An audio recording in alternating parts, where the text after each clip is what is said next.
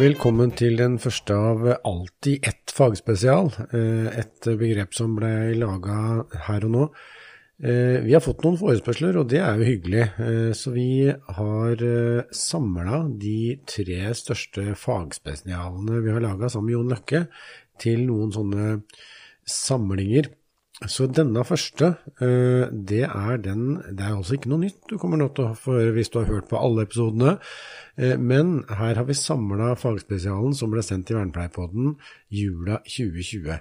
Så hvis du vil høre én og én, så ligger de fortsatt ute fra 24.12.2020 til 31.12.2020.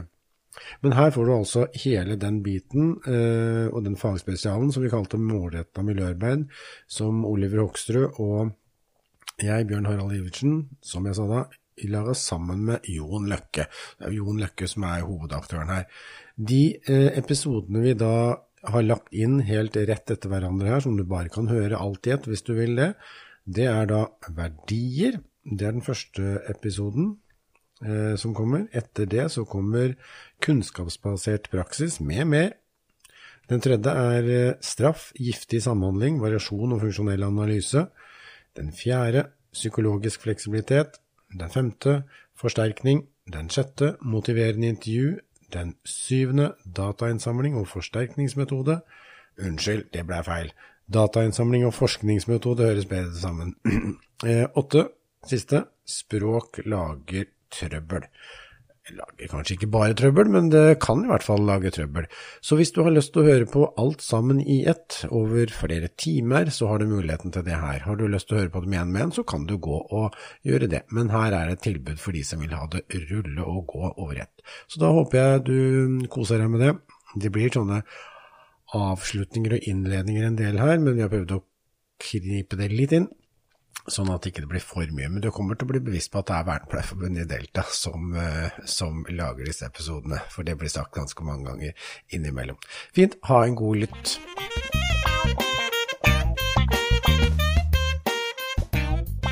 Du hører nå på Vernepleierpodden fagspesial, en podkast fra Vernepleierforbundet.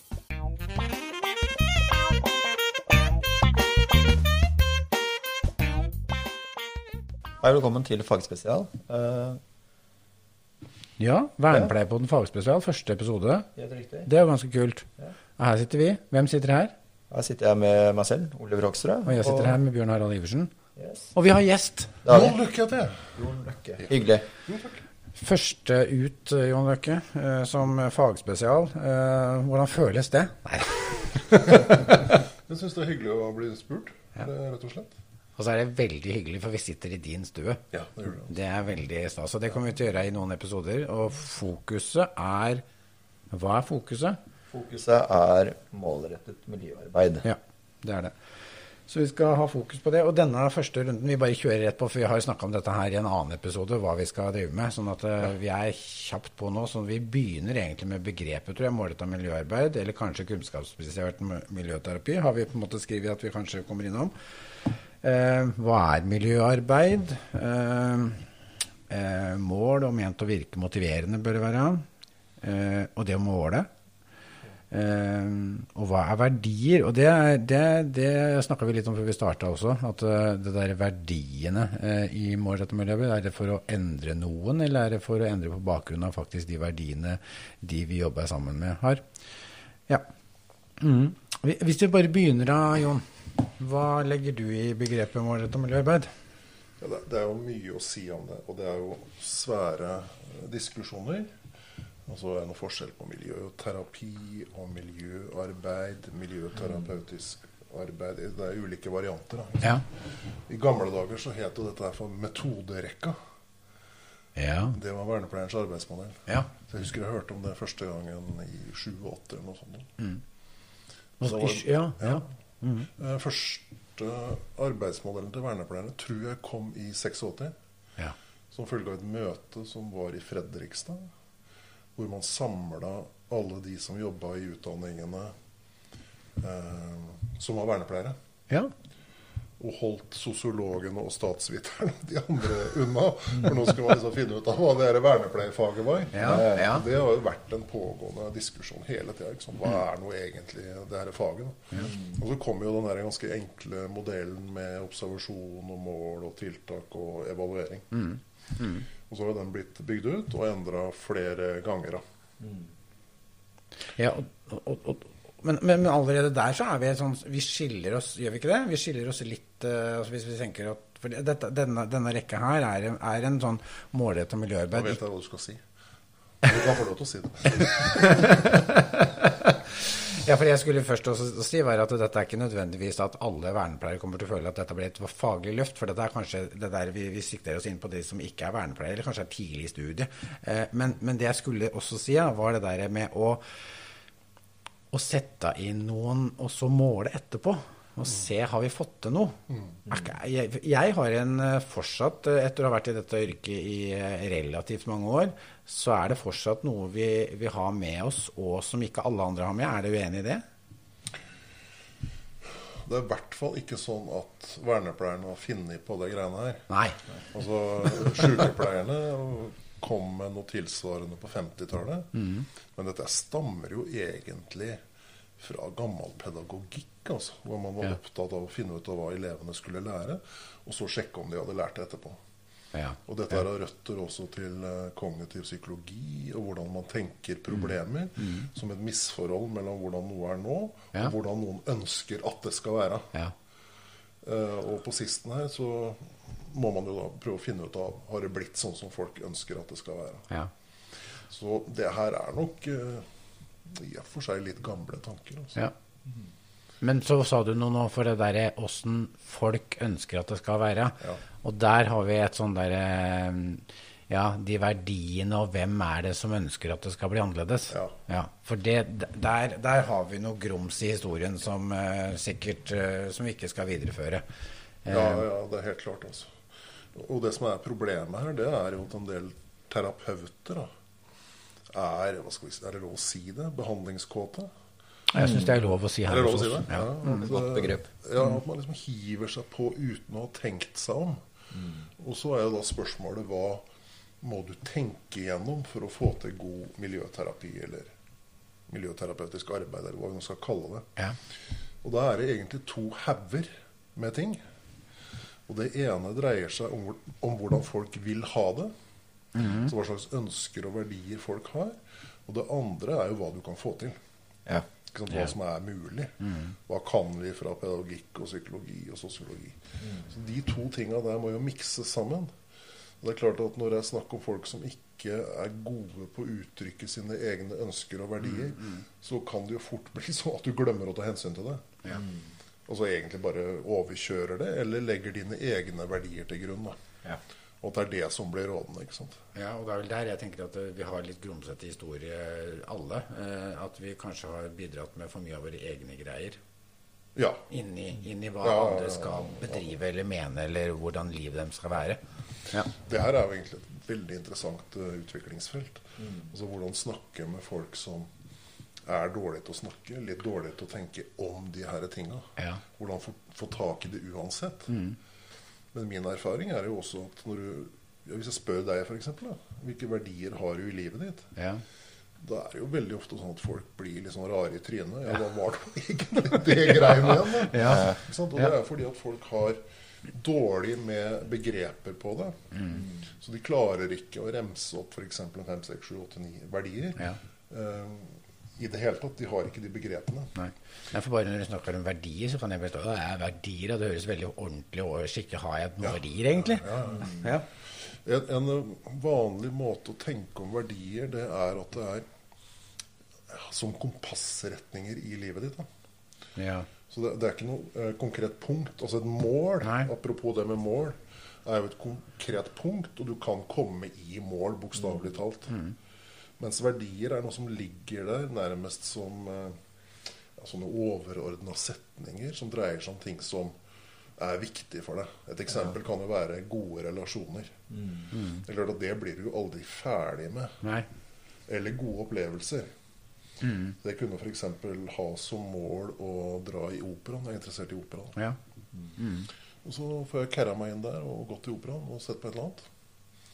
Og så kommer jeg ut, og så sier jeg ja, nå er jeg ferdig med det. Målet er nådd.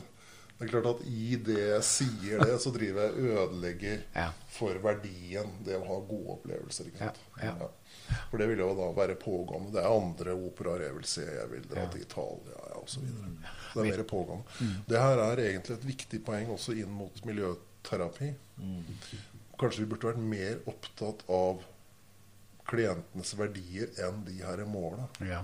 Fordi at det er mer fleksibelt. Det ligger litt sånn over her og kan gi innspill til mye som er vesentlig. Ja, og så er det jo nettopp det der, da. Og da må du antageligvis som miljøterapeut være i dialog med ganske Altså ofte også folk rundt eh, den du skal bidra for. Eh, familie, tidligere venner, folk som har jobba sammen med en før. Eh, ja, du nikker. Og, det er, for jeg, jeg tror det, og der, der, der, eh, at det er en viktig del av, av målrettet miljøarbeid, tror jeg på en måte en skal ja, Det høres ut som at det er, det er en viktig, viktig element her. Ja, det er et viktig element. Og så må det jo være sånn at terapeutene da kan litt om de verdiene. For du må jo kunne noe om det for å komme på at det er viktig, og at jeg bør tenke på det når jeg er sammen med deg, Oliver. Ja, ja. Det er som du også nevnte tidligere, de som har vansker for å uttrykke egne verdier. Og også da spesielt barn og unge. Eh, og så må man huske på at eh, nå har vi snakka om eh, for oss, men når vi da skal eh, bistå andre Og så er det sånn, ja, kanskje søndager, så pleier jeg å ligge på sofaen og slappe av. Mens andre kan tenke at de liker å gå en fjelltur. Det er to vidt forskjellige ting, som da baserer seg på per definisjon tjenesteyters verdier, da, og ikke den som mottar tjenestene. Absolutt.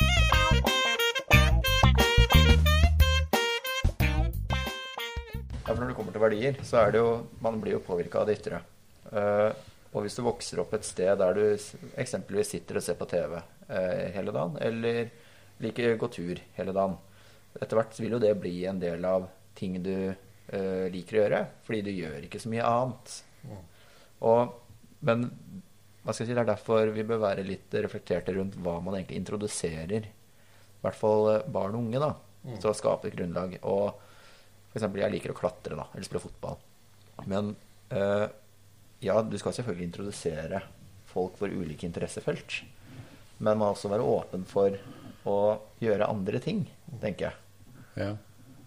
Ja, hvor, hvor mye tenker du at vi skal bidra med det? Skal vi liksom, eh, for, for der har du jo, kommer vi inn i type familiekulturer også. I forhold til, til at noen familier eh, drar på mm, sportsarrangementer, og noen bruker eh, tida på å se på TV. Så det er jo på en sånn, men, men jeg tenker at vi, vi, jeg, jeg syns jo ikke vi tråkka helt feil hvis vi introduserer nye ting og sjekker ut om det er, er ting som skaper noe ålreite følelser. Det tenker jeg òg. Ja. Mm. Bare uh, litt noen utprøvningsopplegg, tenker jeg, er og eksperimentelt. ja, ja, absolutt.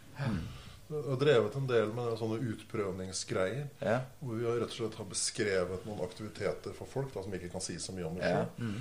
Og så har vi skaffa det utstyret som trengs. Ja. Og så har vi prøvd ut en fem-seks ganger og skrevet en kort sånn rapport. Hvordan gikk det egentlig? Ja. Hvordan så det ut som en person likte det?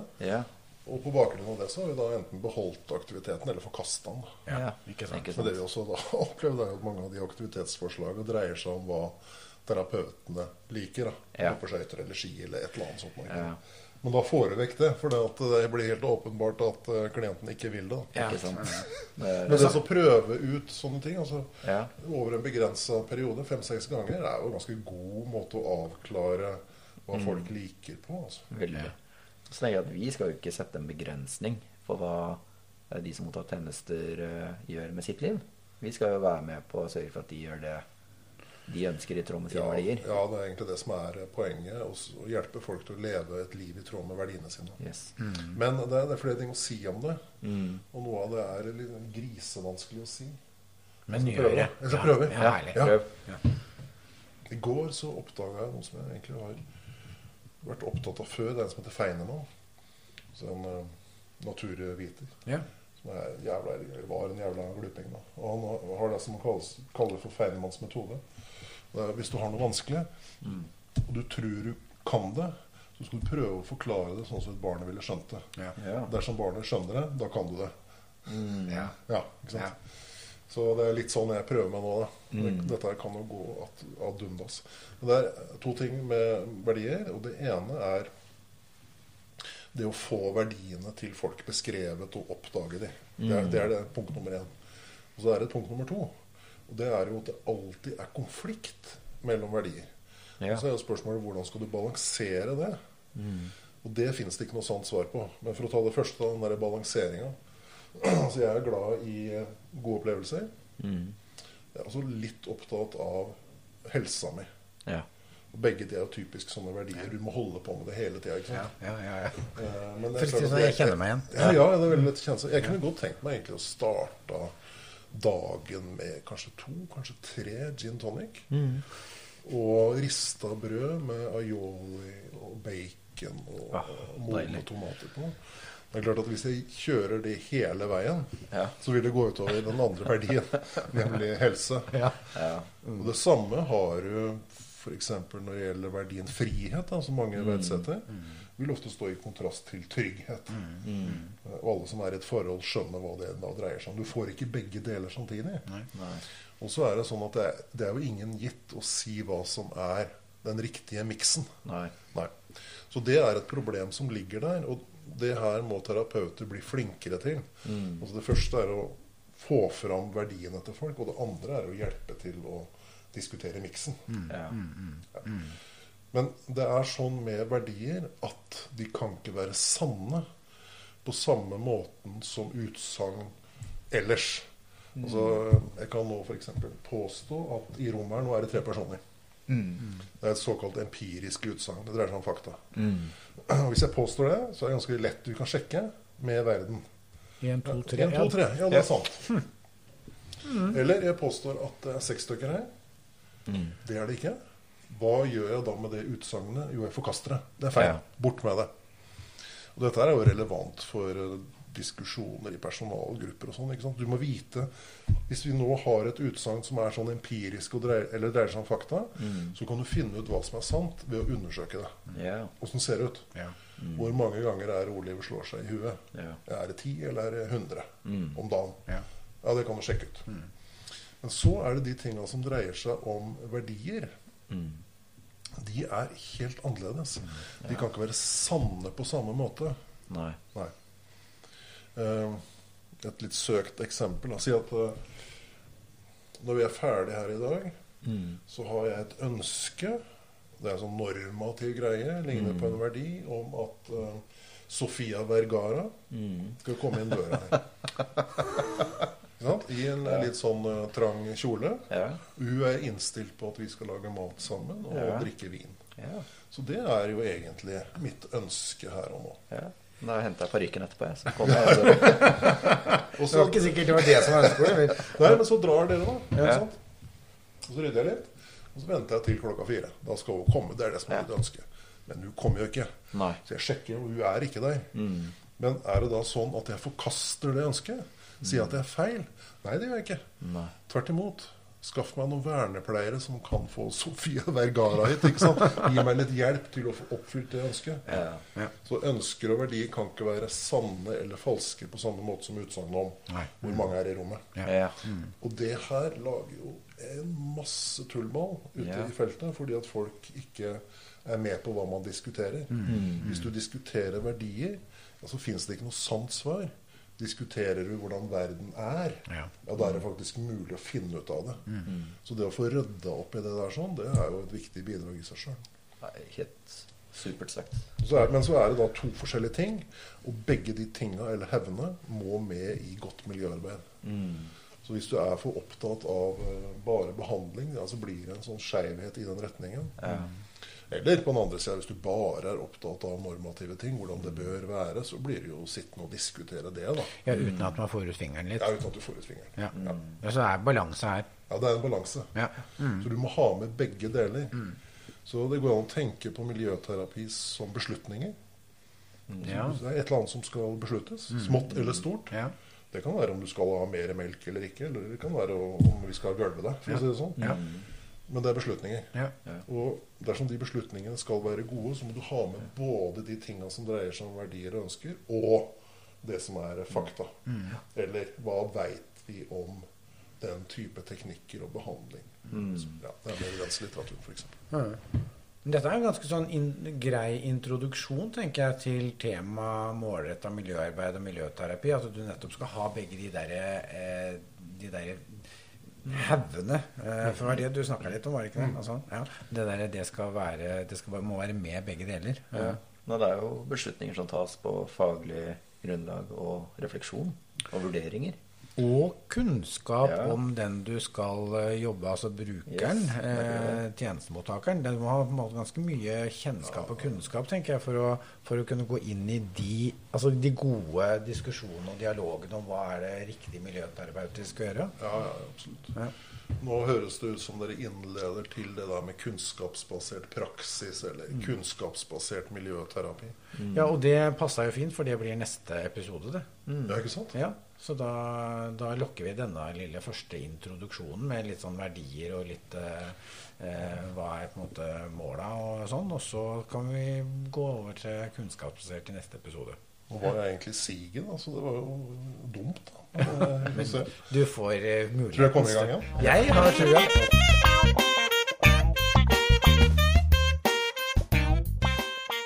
Du har nå hørt en podkast fra Vernepleierforbundet med støtte fra Gjensidige.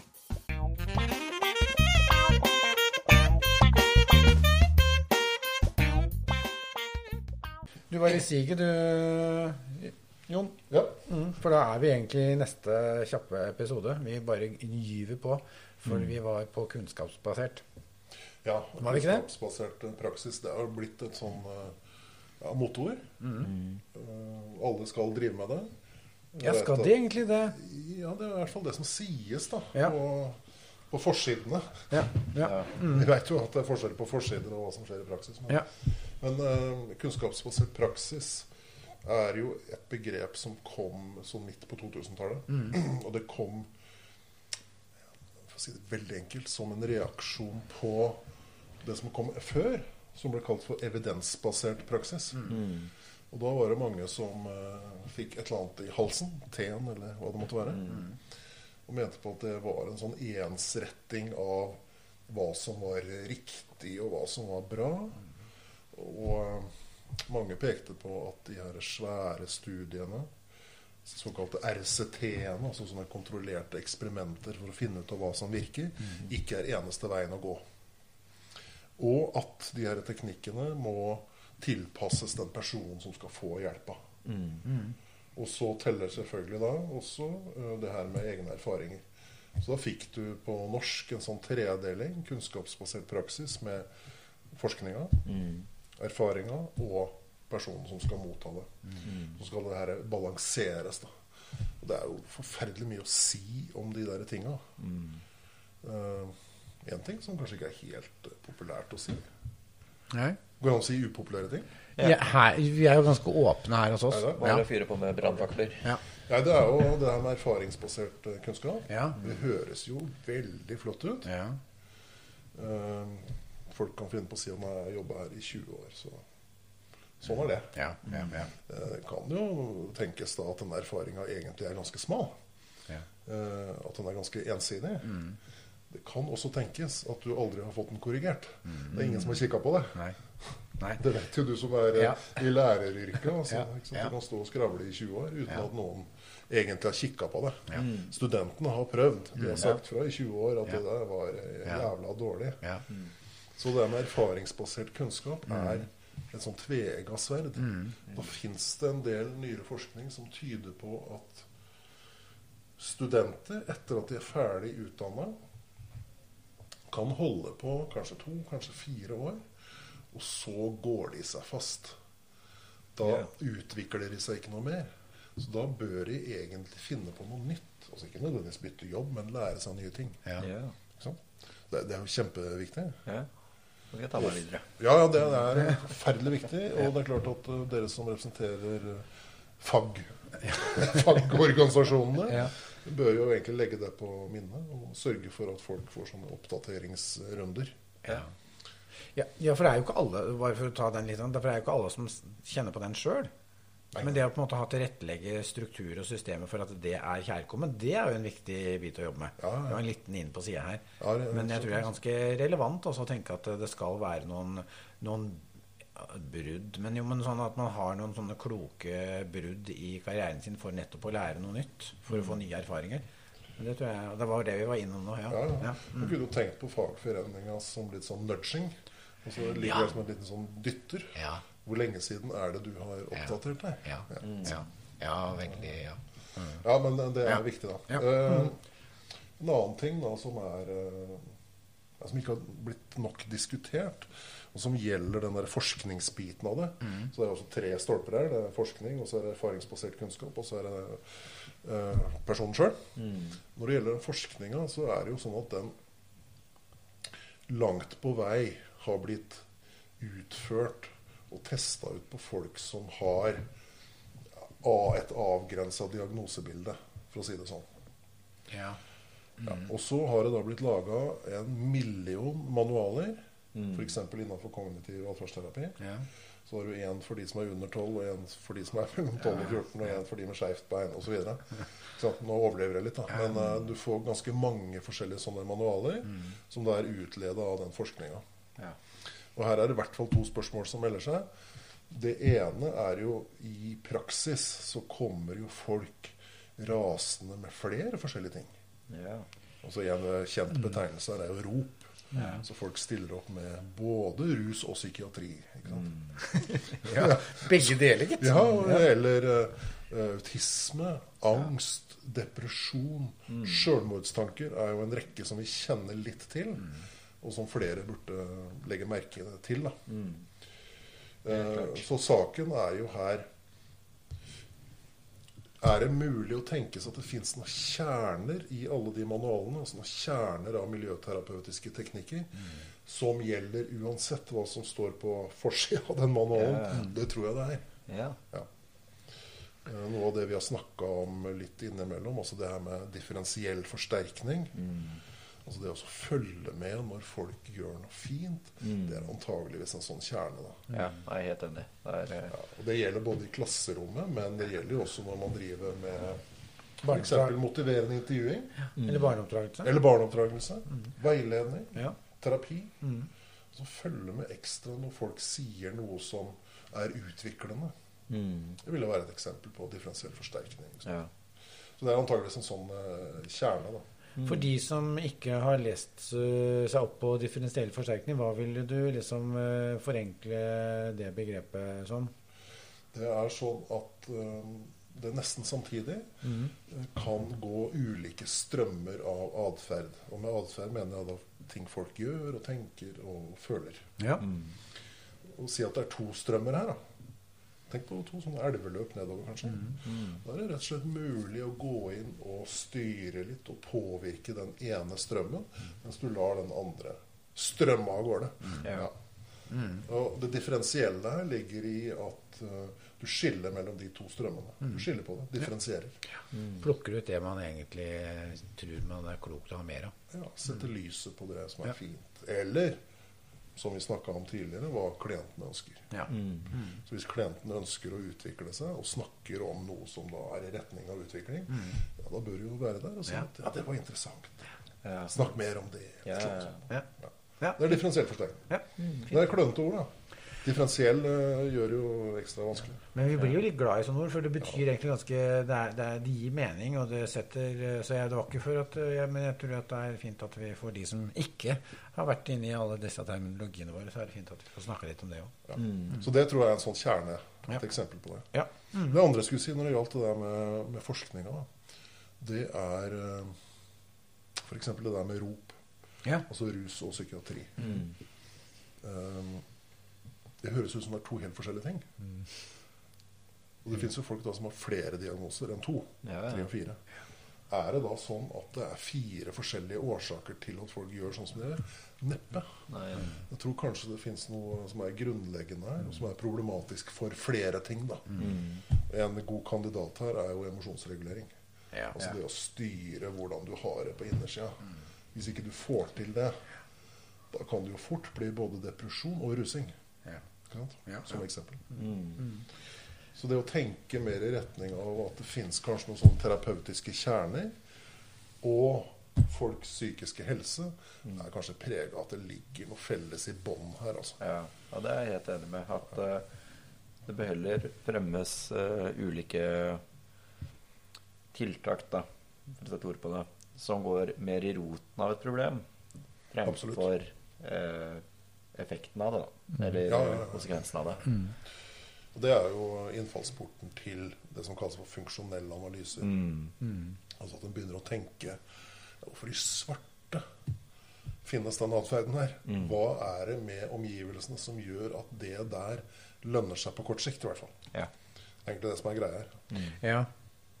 Hvorfor har den atferden der funnet sin nisje? Hva slags nisje er egentlig det her? Altså? ja. Og hva slags historie har det? Ja.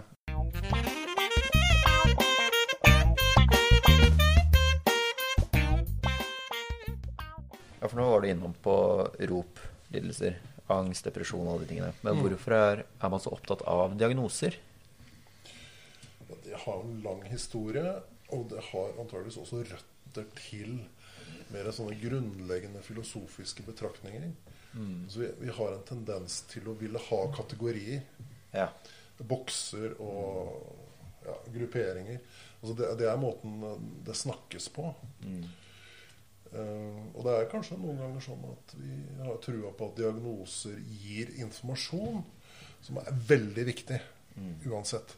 Det tror jeg er å, å ta i. Det er eksempelvis ganske få diagnoser som gir direkte innspill til hva du skal gjøre i miljøterapi. Det er klart at diagnosene kan utløse ressurser, og fagfolk kan snakke sammen på en noenlunde grei måte. Men eh, noe av det miljøterapeutene må bidra med, er jo mer nøyaktige observasjoner og det tinga. Derfor så er jo det å kunne observere uten for mye feil Ja. en kjempeviktig sånn terapeutisk eh, ferdighet. Mm. Og noen ganger så er det også grunnlaget for eh, diagnostisering. da. Ja. Men uh, det går an å snu litt på det og si at kanskje vi burde tenke annerledes. Mm. Kanskje vi som utgangspunkt kunne holde en liten hånd over de her diagnosene og liksom skjerme litt for dem. Og Ja. være opptatt av at i utgangspunktet så er folk folk. ja. Nei, for det- Rett og slett. Eh, og folk har eh, ulike interesser og ulike verdier. Mm. Folk blir lei seg, folk blir glad i korte stunder. Folk Mm. strever med å finne ut hva livet skulle være for noe, Ja. alle dere tinga. Det gir jo en innfallsport som gjør at vi kanskje lettere da, behandler folk ordentlig. Ja, for det er en liten ting til det. Det er at eh, diagnoser er jo da ut fra et sett med kriterier som er ulike kjennetegn på en viss diagnose.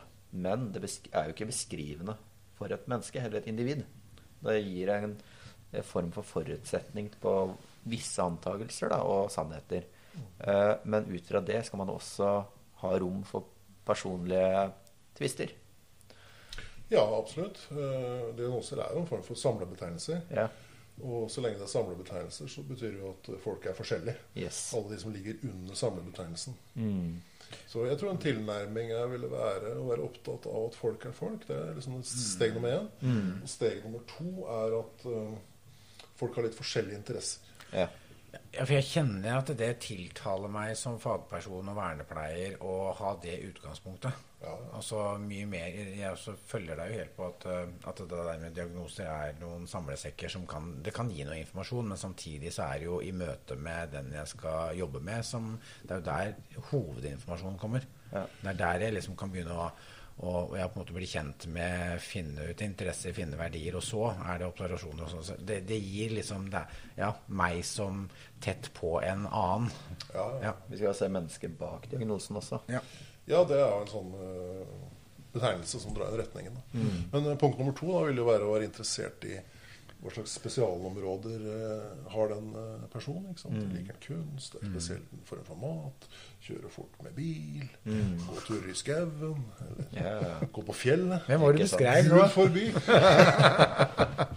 Ja. Jeg fatter ikke at folk liker å gå opp på de her fjelltoppene. Nei, De gjør ikke det? Nei, de sier at det er så deilig, og så deilig å gå i dusjen etterpå. Da sier jeg gå rett i dusjen hvis det er så jævla deilig. Ja. Må ikke opp på den toppen først. Nei, jeg sier det samme om fisking. For jeg tenker at den er så rolig og fin. Så jeg tenker jeg bør ikke ha fiskestang for at det skal være rolig og fint. Jeg kan jo bare gå ut til et annet sted. Ja, Bjørn Harald, den ene gangen du får en fisk, det er en mestringsopplevelse du ikke kommer til å skjønne på. Det fra min erfaring. Det er det gøyeste jeg har opplevd. Fått igjen fisk, visste ikke hva jeg skulle gjøre da. Så jeg, Men jeg tenker at den mestringsopplevelsen får jeg antageligvis på noe annet, da. Mm. Ja. Jeg håper i hvert fall det. Det høres jo ut som uh, periodisk forsterkning og et ekstremt tynt skjema. Ikke sant? Altså fiskere fisker og fisker og fisker. Så kommer det litt av sild innimellom, og det er liksom nok til å opprettholde hele det ja. mønsteret. Ja. Det er jo interessant. Ja. Jeg er nok opptatt av, for jeg, jeg er opptatt av ting som ikke er så tynt tema. Ja, ok. ja. Men en sånn annen side med det vi, vi snakker om det, og, og psykologifag og pedagogikk og alle de tinga der. Eh, Det er nok litt sånn at mye av det som skjer i psykologi og pedagogikk, er egentlig ganske godt kjent fra før av.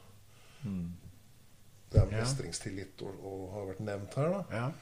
Eh, noen vil da si at eh, ja, dersom du har trua på deg sjøl, så får du det til. ja. Da vil jeg si at det skulle bare mangle. Altså det, er, det er en litt sånn sjøloppfyllende Ja. profeti. Det ligger i måten å si det på. ja.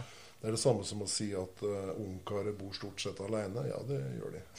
Det ligger liksom i måten å, å snakke på. da. Ja, ja. Og mye psykologi er sånn. Og Det er nok derfor det også liksom ikke skjer de helt store gjennombruddene. fordi at hvis vi tenker oss om, så kan vi ganske mye fra før av. Det skal litt til å oppdage noe nytt. da. Ja. Jeg tror kanskje det vi var litt innom, det der med periodisk forsterkning, som jo er eh, en sånn Skinner-sak. Kanskje ja. er noe litt nytt altså, som har bidratt da. ikke sant? Så hvis du hvis forsterkeren eller belønning eller hva vi skal kalle det, kommer en gang iblant, så blir det ganske utholdende. ja. Og, et ganske godt bidrag. Ja. ja, det tror jeg er et veldig godt bidrag. For, og det er det, det er det om det er barneoppdragelse, eller om det er lærer i skolen, eller om det er miljøterapeut, så tror jeg det er en viktig kunnskap som vi bør, eh, som terapeuter eller andre, jobbe med at det blir bred, mer brei kunnskap om. For det, det tror jeg ser rundt meg at det er det ganske mange som ikke vet noe om. Ja. Eh, oi, der kom den ene forsterkeren på gråten i eller hylinga på butikken. Og så, så, man, ja, så, så den kunnskapen er nok eh, en viktig bit, ja. Mm. Men, men ja, du sa noe om psykologi og psykologi og pedagogikk. At det er, altså vi, vi må kanskje bruke det vi egentlig eh, har lært, kan, og som står og skriver. Da. Ja, men samtidig så har vi jo tidligere snakka om det med erfaringsbasert kunnskap. Ja. Så det er viktig at når du uttaler deg, kommer med råd og tips, at du tar en sjekk på Er dette egentlig min veldig smale erfaring. er det noen andre som har vært med på noe av det samme? Ja. Eh, Flere burde ta en sjekk på det. da. Ja. Ja. Og en måte å sjekke det på er jo å gå til den her evidenslitteraturen eller, forskninga. Ja. Faktisk ta en sjekk der. Ja, ja, fint.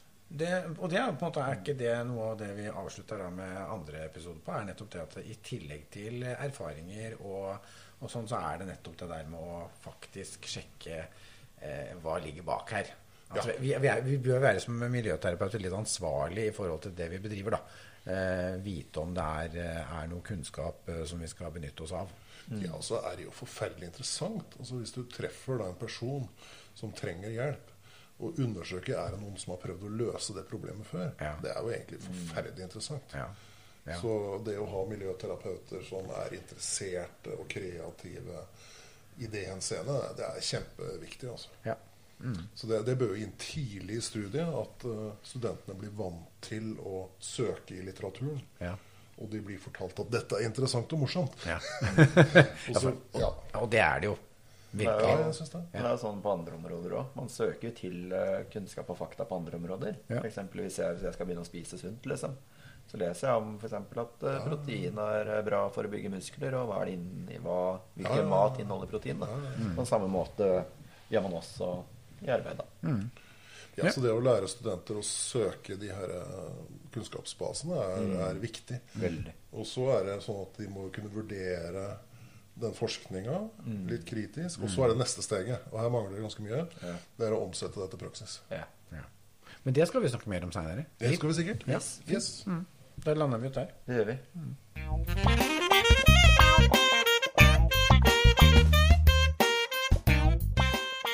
Du har nå hørt en podkast fra Vernepleierforbundet med støtte fra Gjensidige.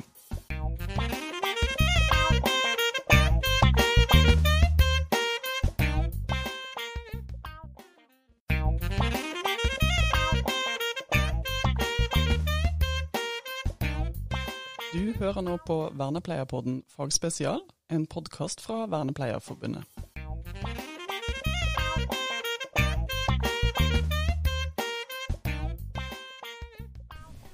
Da er vi på igjen, da. Det er vi. Dette her går unna. For oss unna. oppleves det sånn Det kan hende at noen eh, deler opp disse episodene og hører på seg fire uker siden sist, men det bryr jo ikke vi oss om. Her sitter vi fortsatt. eh, Jon og Oliver og Bjørn Harald, nå skal vi snakke litt om bl.a. blant annet noe vi har blei litt engasjert i med giftig sosial samhandling, hva det er.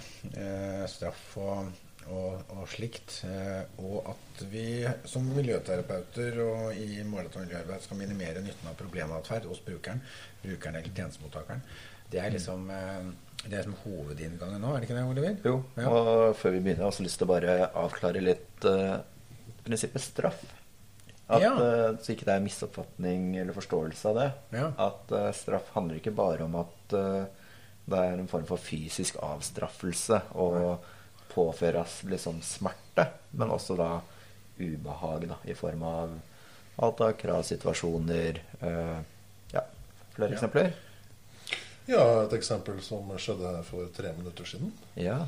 faktisk. Så en av dere to er faktisk drevet med straffing. Ja. Veldig mildt, Ja. men likevel. Ja. Da kan jeg ta eksempelet. Ja. Eh, I en pause her nå så ble det kommentert at jeg sitter og trommer litt på bordet. Og så sier den personen Jeg vil ikke nevne hvem det er. Veldig innpakka og fint. Kan du la være å tromme? ja. Det kan jeg. Ikke sant. Eh, Så det som da skjer er at jeg sitter og fingrer på arket her. Mm. Jeg gjør jo nå, da, så vi får hørt åssen det er. Ja, Noe, noe sånt. Ja. Ja. Og så blir det da sagt 'kan du la det være'? Ja. Eh, og det er klart at det fører jo umiddelbart til at jeg gjør ganske mye for å slutte med det. Mm. Så det er jo da et eksempel på straff i den betydningen. At det er atferd som følges av ting som er litt ubehagelig. Yes, men samtidig er det også et eksempel på ting man kanskje ikke vedkommende, jeg skal ikke nevne navn, opplevde det som eh, straff mot deg, da. Ja, det, det kan du si. Altså Om strafferen eh, tenker gjennom det, vil det Ja. ofte være uklart og uavklart. Det er mye sånn småstraffing. Veldig. Og nagging og ordning. Altså Dette her ble jo gjort veldig pent, og så pakka inn som du kan få det.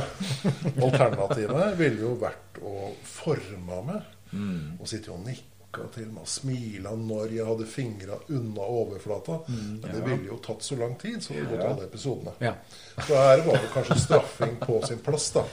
Men det som skal nevnes her, det er jo at det er noen bieffekter av straff. Også i den milde varianten. ja. Fortell om det. Ja, nå skal jeg fortelle om hvordan jeg hadde det inni meg Ja. når jeg nå nylig ble straffa. Ja. Og en av de tinga som dukker opp, er jo sånne emosjonelle ting. Så du kjenner at det, Oi, det var litt ubehagelig. Ja. Så det er det ene. Og det andre er jo at jeg kan bli litt sint. Og si det var noe som faen. Her kommer dere. Ja, her kommer dere inn i stua mi, og så blir jeg prakka på en eller annen oppførsel. Jeg vil sitte og tromme. Ja. Og det tredje er jo at folk kan gå til motkontroll eller begynne å ta igjen. ikke sant? Så De tinga her er jo veldig viktige. Så det er klart at Hvis du observerer at folk tar igjen, går til motaggresjon, ja, da er det mest sannsynlig noen som har straffa først. Ja. Ja. Ja. Så det går an å gå den veien og se på atferd som har blitt straffa. Så den er emosjonell, folk stikker av, eller de slår tilbake. Ja. Ja, Da har det antageligvis vært et giftig miljø rundt. Så de her bieffektene av straff er det viktig å være oppmerksom på. Jeg mener at det er viktig å snakke om straff på en ordentlig måte, fordi at det er så mye sånn småstraffing og smånegging. Mm. F.eks. du sitter i et møte, og så sier du et eller annet.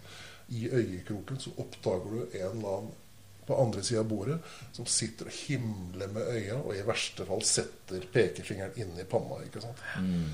Ja. Eller gå på Facebook, så vil du jo se at det finnes masse former for straffing og ubehag som tilføres. Ja. Så det er viktig å være oppmerksom på det. Og det er særlig de bieffektene av straff. Ja. Og de, har det vært snakka for lite om. Så straff er et sånt uh, politisk ukorrekt uh, tema. ja. Men det er jo Rett og slett. Uh, Ja, i hvert fall ut fra studiet, da. Du hører jo mye om at, eh, at uh, straffeprosedyre er uetisk og alt det der. Så man setter ikke straffeprosedyrer i system. Men i samhandling så er det fort gjort å utøve, da, som nevnt her, ulike straffeprosedyrer. Ja. Jeg mener jo at den situasjonen vi hadde her i stua mi, da, mm med da sitter og trommer, og du kommer til å ødelegge opptaka, ja. så var det på sin plass. Ja. Mm. Så det er ja. greit, altså. Takk. Jo, bare, bare hyggelig. Straff på.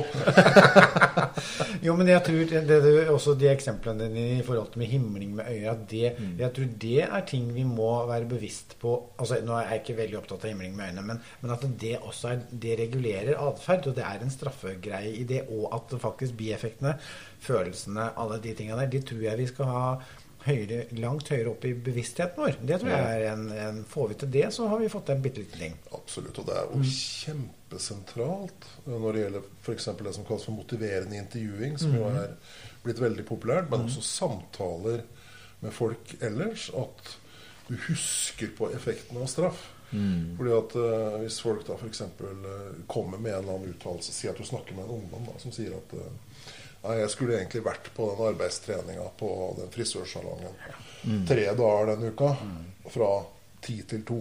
Men jeg rakk ikke bussen fordi at jeg satt og spilte mm. til ja. tidlig på morgenen. Så jeg rakk dessverre ikke bussen. Det er fristende å si at eh, det fins jo eksempler i historien på at folk har klart å stå opp til mindre viktige ting. Liksom. Hvis du er på, på det hakket der ja. eh, og ja. driver og straffer og ordner, mm. da vil du mest sannsynlig få en ungdom som ikke kommer tilbake. Altså ja. stikker av en av effektene av mm. straff. da. Derfor så er det jo sånn i, i MI, og kanskje i samtaler ellers, et begrep da som heter å rulle med. Mm. mm. Ja, ja. Som rett og slett er å ta hensyn til de bieffektene av straff. Mm. Så du straffer ikke, men du hører på.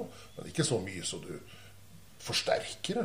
Nei. Men du hører på det og kunne f.eks. finne på å si at ja, du har nå sagt at det er vanskelig å stå opp om morgenen. Mm. Sånn vil det kunne være innimellom. Mm. Og så må man jo komme i gang med snakking om hvordan den endringa ja. skal foregå. ikke sant? Ja, du lar det være. Du holder den der litt moralistiske snakkinga di på et lavt nivå. Altså. Og det gjør det fordi at du kjenner til effekten av straff. Ja. ja. og da får jeg med meg til å tenke at eh, når du har den der eh, å rulle med, så er det nettopp for å få i gang den positive atferden vi faktisk har lyst til å ha mer av. Ja, ja, ja. Istedenfor å ha fokus på det vi vil ha mindre av, så vil du ja, rulle med for å finne er ikke det riktig? Jo, absolutt. Og det er jo, dette er jo viktig poeng uansett om det er miljøarbeid eller miljøterapi eller eh, samtaler, at du veldig ofte er på jakt etter unntak. Mm. Mm. Eh, så folk som trenger hjelp, har jo veldig ofte gått seg fast i et spor. Mm. Hva trenger de hjelp til? Jo, litt variasjon. Ja. Eh, så når du da i samtaler ikke legger så mye vekt på det litt rare folk gjør, mm. men venter på noe annet, ja. Da driver jo egentlig og stimulerer variasjon. Ja. Mm, ja. Eh, det som kalles for løft, løsningsfokuserte tiltak, som var populært for noen år siden. ja. Det går i bølger, dette her. det det. Der er det egentlig fire typer spørsmål som stilles til folk. F.eks. mestringsspørsmål. Mm. Eller unntaksspørsmål. Ja, du sier at du har eh, vanskelig med det. Du har jo kommet hit. Hvordan fikk du til det? Så du jakter på variasjon og unntak, og så er du der og forsterker. Jf. differensiell forsterkning, som jeg snakka om tidligere. Mm. Kommer hele tida, altså. Ja, ja. Så da lar du i prinsippet atferd som ikke er ønska av personen. Mm. Det kan man ha avtalt på forhånd. At uh, når det er mye snakk om det, så lar vi det ligge. Og så prøver vi å få opp noe annet. Noen mm. gode ideer. Ja. Det, det, er veldig mye sånn kreativ tenkning i det med differensiell forsterkning. Altså. Veldig. Ja, for, og, og, det er litt sånn um, det For det har vi snakka om før, når vi snakka om disse episodene, at det, det, der med kreativitet tror jeg Jeg kjenner meg veldig igjen at det er en viktig element, men jeg har ikke kanskje tenkt at det har vært løfta så veldig. Er, er, du enig i det, eller er det mer sånn i, i, i målretta miljøarbeid, i disse tingene, så jeg tenker at det er nettopp det der med å finne løsninger, finne, være kreativ på hvordan skal vi komme oss framover, hvordan skal vi finne alternativer. Um, Og det, det, den der anerkjennelsen av det tror jeg på en måte er viktig. Der, og, og, hva skal til for å være kreativ? Og det er kanskje en kjennskap, det er en åpning for nye løsninger. Det er alle de tinga der. Og så, har vi liksom vært ganske sånn strukturerte. Og, og sånn struktur og kreativitet kanskje for meg har vært litt sånn krasj da i huet. Og så tror jeg nettopp at kreativiteten er ekstremt viktig. Mm. Ja, det finnes jo, Hvis vi er på atferdsanalyse, så finnes det jo en forskningsgrein hvor man har vært opptatt av kreativitet.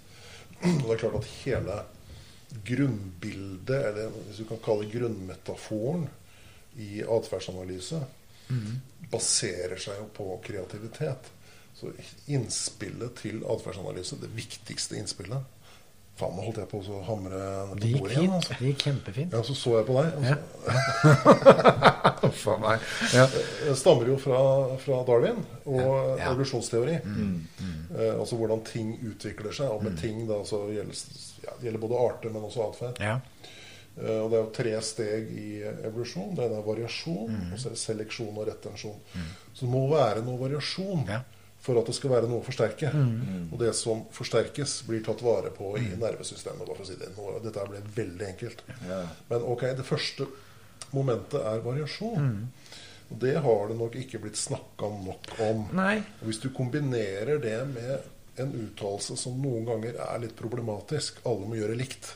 Mm. I betydningen si akkurat samme setning. Ja. Da blir det ikke mye kreativitet ut av det. Det, det mener at det baserer seg på en misforståelse. Ja. Altså, det er ikke noe poeng at folk sier ting likt, at setningene er like. Poenget er jo at folk funksjonelt sett oppfører seg på samme måte. Så dersom du, Oliver, driver med et eller annet som mm. er trøblete, og du gjør det i settinger hvor ja, du oppfatter de som litt vanskelige, mm. så du stikker av den måten å oppføre deg på, så kunne man jo bestemme seg for at eh, ja, det skal ikke skje. Ja. Man må nok eh, være i den litt vanskelige situasjonen. Det er eneste mm. mulighet. Og da er det jo ikke akkurat setningen jeg sier til deg som er viktig, nei, nei, nei. men det er jo det at jeg sier at nei, det, du må nok gjøre ferdig, altså. Ja. ja. Det, og det er veldig, det er, veldig godt poeng. Jeg tror det som sagt er en ja, stor misoppfatningen. At uh, lik praksis handler ikke bare om uh, hva som blir sagt, men også hvordan man fremstår.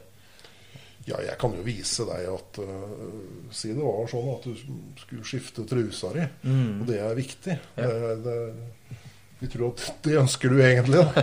Å bytte truser. Det stemmer overens med verdiene dine, gjør ikke det? Ja, ja, sånn.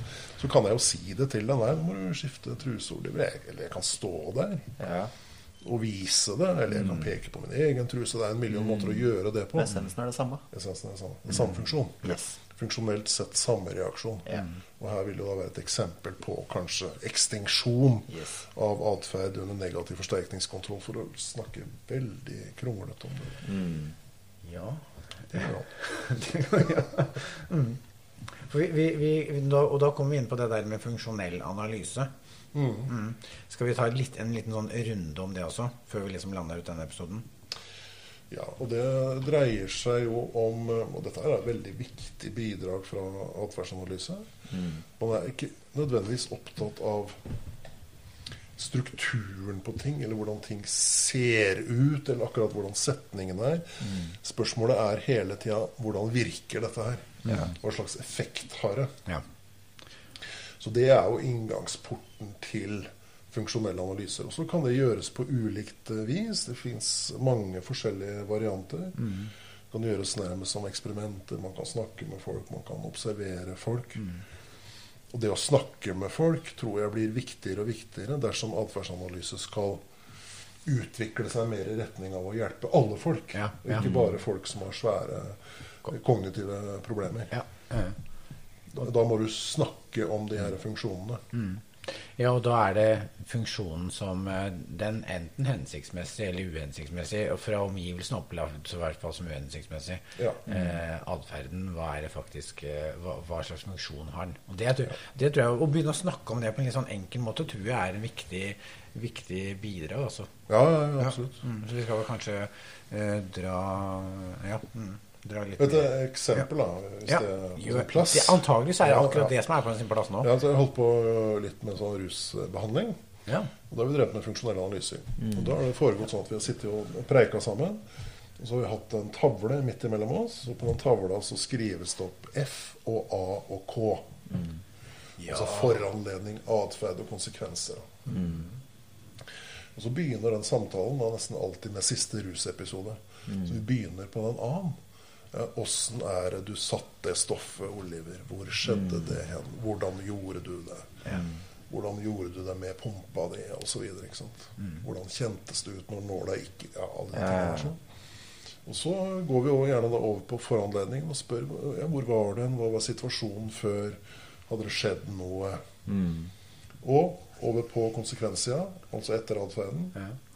Hva var de umiddelbare effektene? Ja. Og la oss nå tenke da at du var i en situasjon hvor ting var ubehagelige, du hadde fått nei fra Nav, du har blitt trua, noen skal ha tilbake penga sine, kjæresten din har slått opp. Altså veldig ubehagelig i forkant. Og så ruser du deg. Og den umiddelbare effekten vil jo da veldig ofte være en demping av det ubehaget. Så her ligger jo effekten i at ubehaget dempes. Ja. Så du lærer rett og slett å ruse i situasjoner som er vanskelige. Da. Men det som er interessant, det er jo at den samme klienten sier at du har gjort en avtale om et eller annet tiltak som du skal prøve ut. Noe annet enn å ruse deg når det er vanskelig. Mm. F.eks. måter å snakke til deg sjøl på. Emosjonsregulering. Og så kommer du tilbake neste time og så sier du at 'nei, jeg beklager, Jon. Altså. Jeg sprakk'. Det var helt forferdelig. altså. Vi som har prata så mye om det her, og vi har gjort funksjonelle analyser, og du har hørt på meg, og du har vært engasjert, og likevel så sprekke. Mm. Da er jo også den snakkinga der interessant. Yeah. Altså, hvorfor sier du det på den måten der? Hvorfor sier du akkurat de tinga til meg? Kan det kanskje ha samme funksjon som å ruse seg? Dette er ubehagelig å komme til en ny samtale. Her må jeg snakke sånn så Jon blir fornøyd. Og det er veldig, ja, ja, det er, ja, kjempe. Så det er sånn dobbeltlag i det. Så Det betyr at funksjonelle analyser kan selvfølgelig gjøres av den situasjonen som klienten er oppi, men du kan også gjøre analyser av snakkinga. Yes. Og det er her jeg mener at atferdsanalysen har et kjempe sånn utviklingspotensial. da. Ja. Å bringe funksjonelle analyser inn i ja, terapi som gjelder for alle folk. Ja. Det er jo sånn at Atferdsanalyse er psykologi for alle. altså. Ja. Ja, og det tror jeg er eh, og, ja, takk. Det tror jeg kanskje er da, Nå landa vi jo der. For, det, det, for denne episoden her. For det, det tror jeg er en viktig greie. At eh, vi skal ikke bare tenke at vi skal drive fakkanalyser på noen uh, utviklingshemma vi kjenner og skal jobbe tett på. Vi skal, vi skal like ofte gjøre det på oss sjøl og på, på andre vi så, så hvorfor, hvorfor skjer sånt som skjer? Og det tror jeg er viktig. Hvorfor, eh, hvorfor kommer folk til samtalen? Ikke sant? Ja. Nå sier du så lure ting. altså. Ja, Nå stopper vi der! Nå stopper vi der! Det går over. ja, det er bra.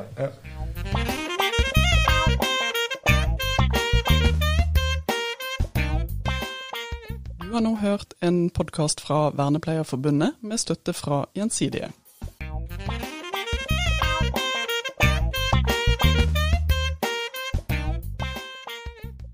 Hei, da er vi på episode fire. Og- Det er vi. Ja, og nå skal vi snakke litt om eh, psykologisk eh, fleksibilitet. Så har jeg lyst til å introdusere litt, eh, Jon. Ja, det er jo i og for seg et litt sånn nytt begrep. Det, det stammer også tilbake til noe av det vi har snakka om tidligere. Altså det her med atferdsteori, atferdsanalyse, som en psykologi for eh, alle. Ja. Det har virkelig tatt fart med en sånn modell da, for psykologisk fleksibilitet. Og det er sånn at psykologisk fleksibilitet knyttes, eller burde kanskje knyttes tett opp til det med sånn mental helse og de her tinga. Yeah. I betydningen at dersom du er psykologisk infleksibel, så er sannsynligheten for å utvikle psykisk lidelse ganske stor. Ja. Rett og slett. Men uh, Ja, også sånne ting som mistrivsel. Holdt på å si trives når man er psykologisk infleksibel. Ja. Så Hvis du skal definere det psykologisk fleksibel, hva, hva legger du i det da? ja. Da tar dette litt tid nå. Ja, vi, vi, vi, å vi tar den ikke tida. Ja. tromme og ordne, bare snakke. Ja. Så det er egentlig seks sånne kjerneprosesser i det som kalles psykologisk fleksibilitet.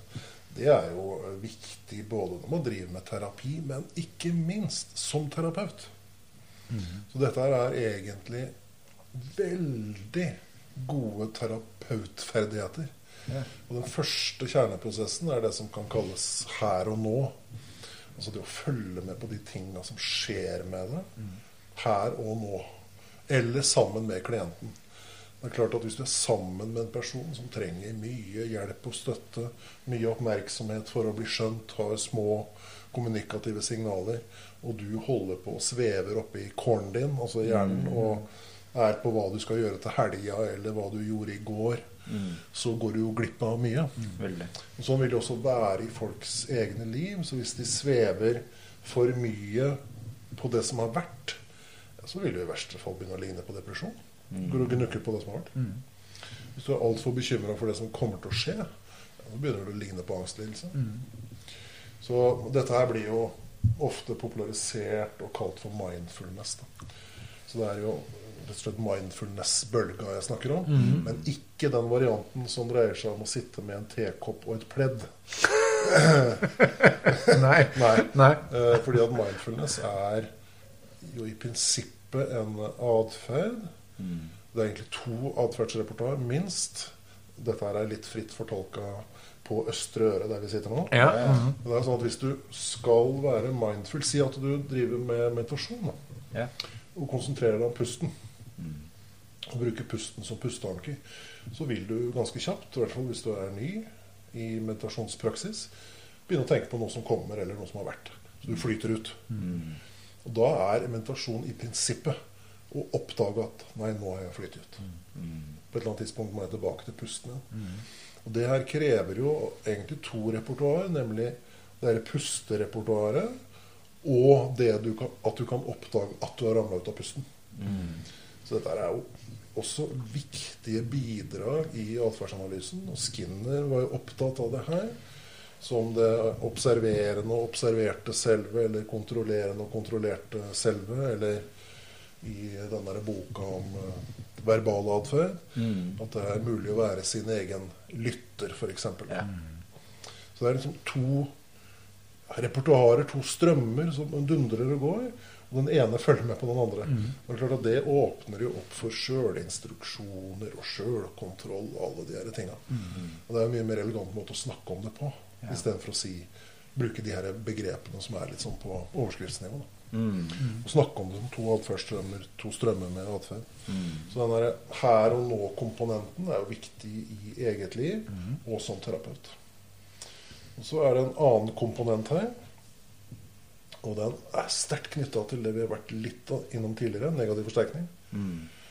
Nemlig at vi har en tendens til å ville kvitte oss med ting som er ubehagelig. Ja. Få det vekk. Det her har røtter til gamle sånne visdomstradisjoner og buddhisme og de her tinga. Når man sier at det er liksom to tendenser i mennesket. Det ene er å få ubehag unna. Bli kvitt det. Ved rusing eller å kline til andre, eller hva det måtte være. Og så er vi interessert i å dra ting til oss. Ja. Det er forsterkning, positiv forsterkning. ikke sant? Ja. Det kan bli for mye av begge deler. Og poenget er at hvis du skyver altfor mye unna, stikker av alt som er ubehagelig, så får du det som kalles opplevelsesmessig unngåelse. Ja. Og motparten til det er en villighet til å se på det, eller aksept, som det også kalles. da. Er klart det er viktig i miljøterapeutisk arbeid. Hvis jeg syns at en av dere er ubehagelig, liker ikke å være sammen med ja, Kanskje jeg skal sjukmelde. Ja, kanskje jeg skal ta en blå en. Orker ikke å være sammen. Da kan det være greit å oppdage det. Og da er det en tredje komponent her. Det vi snakka om tidligere. Verdier. Eh, Og det er jo absolutt grunn til å la det koble seg på. Altså Nå har jeg egentlig lyst til å ta en blå en. Heter det fortsatt det? eller? Nei, er, for jeg tenkte Det er egenmelding.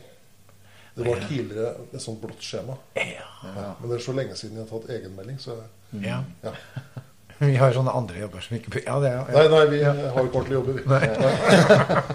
Men sett nå at du, Ja. du ringer inn og sier at jeg er syk. Ja. Men Ja, ja. egentlig så har du ikke lyst til å være sammen med Oliver. Nei.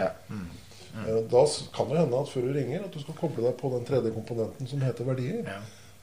Hva var nå egentlig grunnen til å bli vernepleier igjen?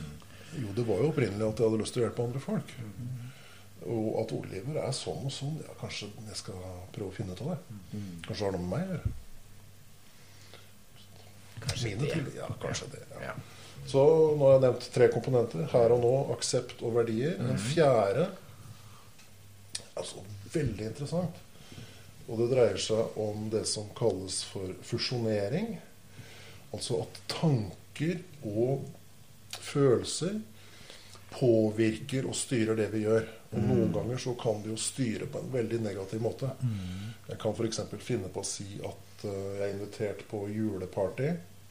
Dit går jeg ikke fordi at jeg er så dårlig sosialt. Ja. Jeg eh, hater å smalltalke. Dit går jeg ikke. Så du lar være å gå. Men det kan jo være at det du sier til deg sjøl, at du er dårlig til å smalltalke, ikke stemmer. Men det som skjer, er at du vil få det bekrefta. Som en sånn indre stemme som da påvirker din deltakelse sosialt. Dette er antageligvis problemet for en del folk med autismespekterforstyrrelse. ikke sant? hvis Og du ikke bare dem. Nei, ikke bare dem. Nei. Altså, folk eh, sier jo mye rare ting til seg sjøl. Ja. En øvelse her, en sånn terapeutisk øvelse som er ganske morsom. Hvis du oppdager at folk sier ting til seg sjøl og handler i tråd med det. Altså har fusjonert godt sammen. Det er den terapeutiske jobben å få til å gå fra hverandre. Det kalles for defusjonering. Det er at jeg da kunne finne på å si til deg, f.eks. Kan ikke du gå ut på verandaen nå? Og så har du jo en tendens til å si til deg sjøl at 'jeg får ikke til ting'. Går ut på verandaen, og så står du der i 20 sekunder, og så sier du det høyt med Donald-stemme. Jeg får det ikke til. Og en del folk vil da komme inn, og så sier de at 'nei, men i svarte'. Hva er det jeg driver med? altså? Når jeg har stått her i 20 sekunder og sagt at jeg aldri får til noe, det sier jeg jo hele dagen. Det er jo komplett idiotisk. Ja. Kanskje vi skal snakke mer om det. Så det du sier til deg sjøl, påvirker for sterkt, for bokstavelig, det du gjør. Altså, øh, folk mener f.eks. at de må være motiverte for å trene. Nei, det trenger du ikke. Det er bare å dra og trene. Og hvis du tenker sånn, da har du løst opp i den koblinga. Ja.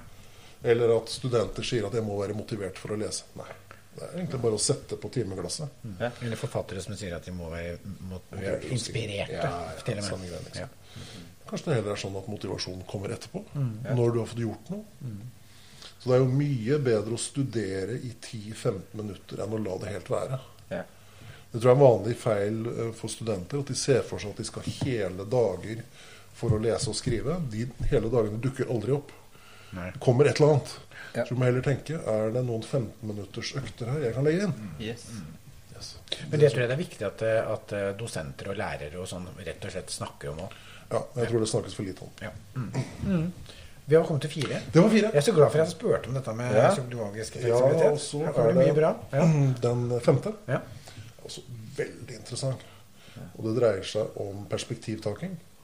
Ja. Og da er vi jo også over i emosjonsregulering, som vi har nevnt så vidt, i hvert fall i noen pauser her.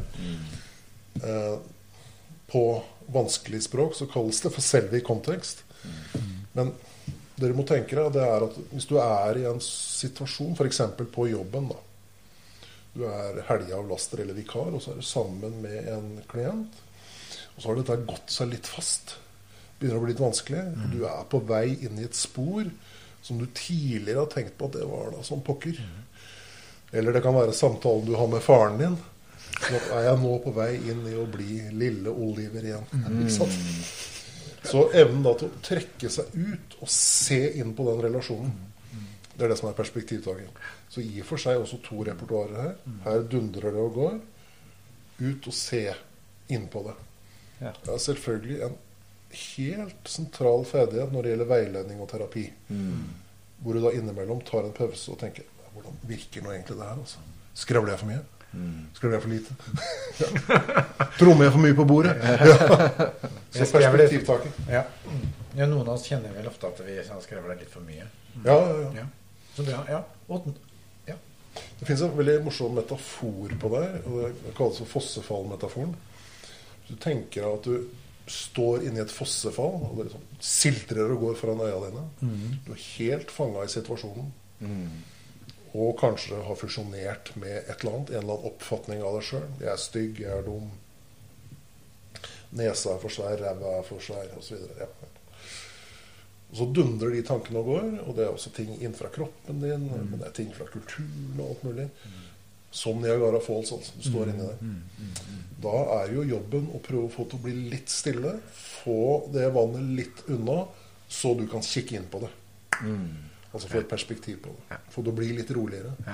For hva kan du gjøre da? Jo, da kan du jo koble det på verdiene dine.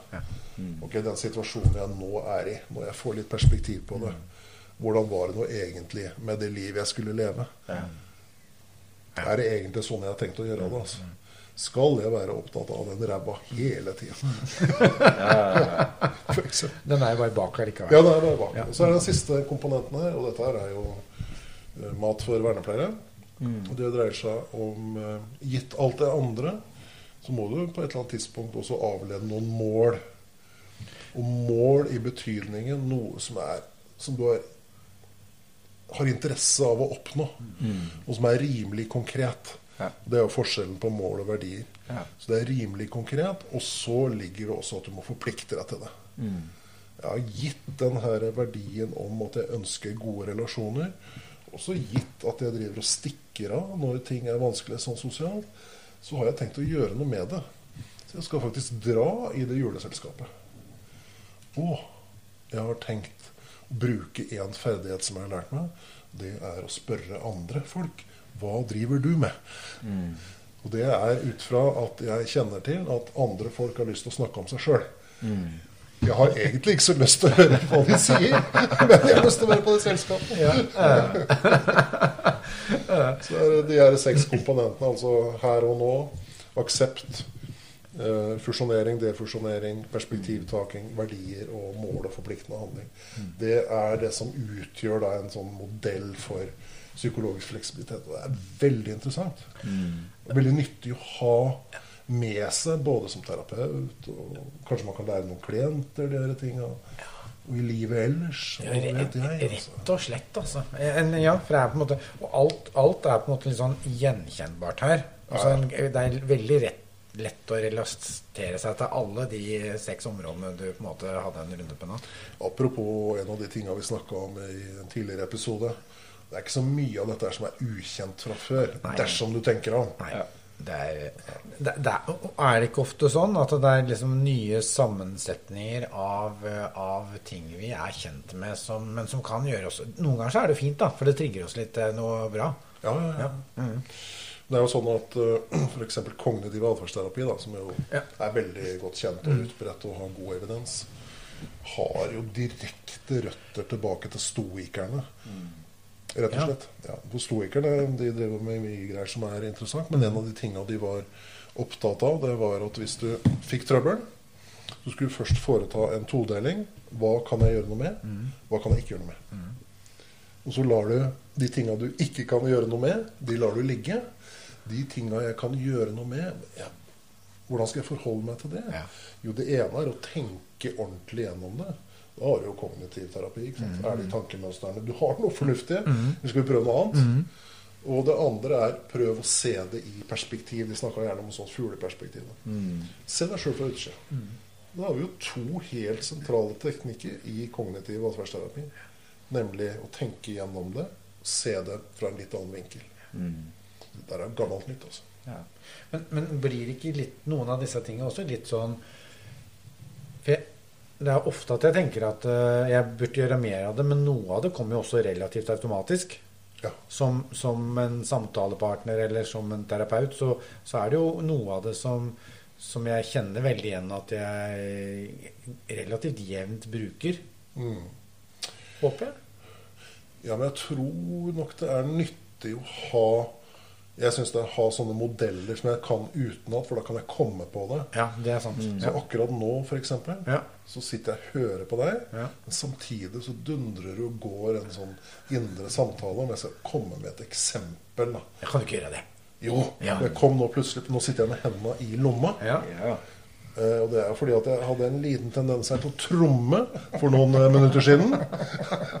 og klarte å ta meg i det med hjelp av et blikk fra andre siden av bordet. Så nå har jeg stikket hendene i lomma. Og så tenker jeg at dette her er det som kalles for DRI. Ja. Differensiell forsterkning av uforenlig atferd. Du kan ikke både sitte med hendene i lomma og tromme samtidig. Så nå er det DRI ute og går på østerøret. ja. Det er vakkert. Det er flott. Det er kjempefint. Det er så fint. Ja, jeg, jeg, og, jeg, og, det, og jeg så det.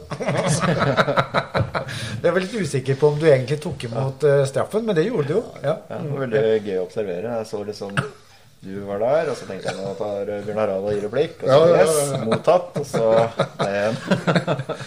Ja, Ja, det er flott. Altså. ja nei, men det er bra. Fint. Nei, men da har vi vært gjennom eh, en del runder, og vi har også snakka om eh, eh, de seks momentene i, i psykologisk fleksibilitet. Og da tror jeg egentlig at vi lander ut denne episoden også.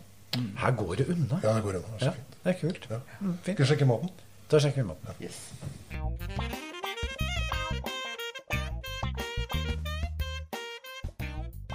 Du hører nå på Vernepleierpodden fagspesial, en podkast fra Vernepleierforbundet.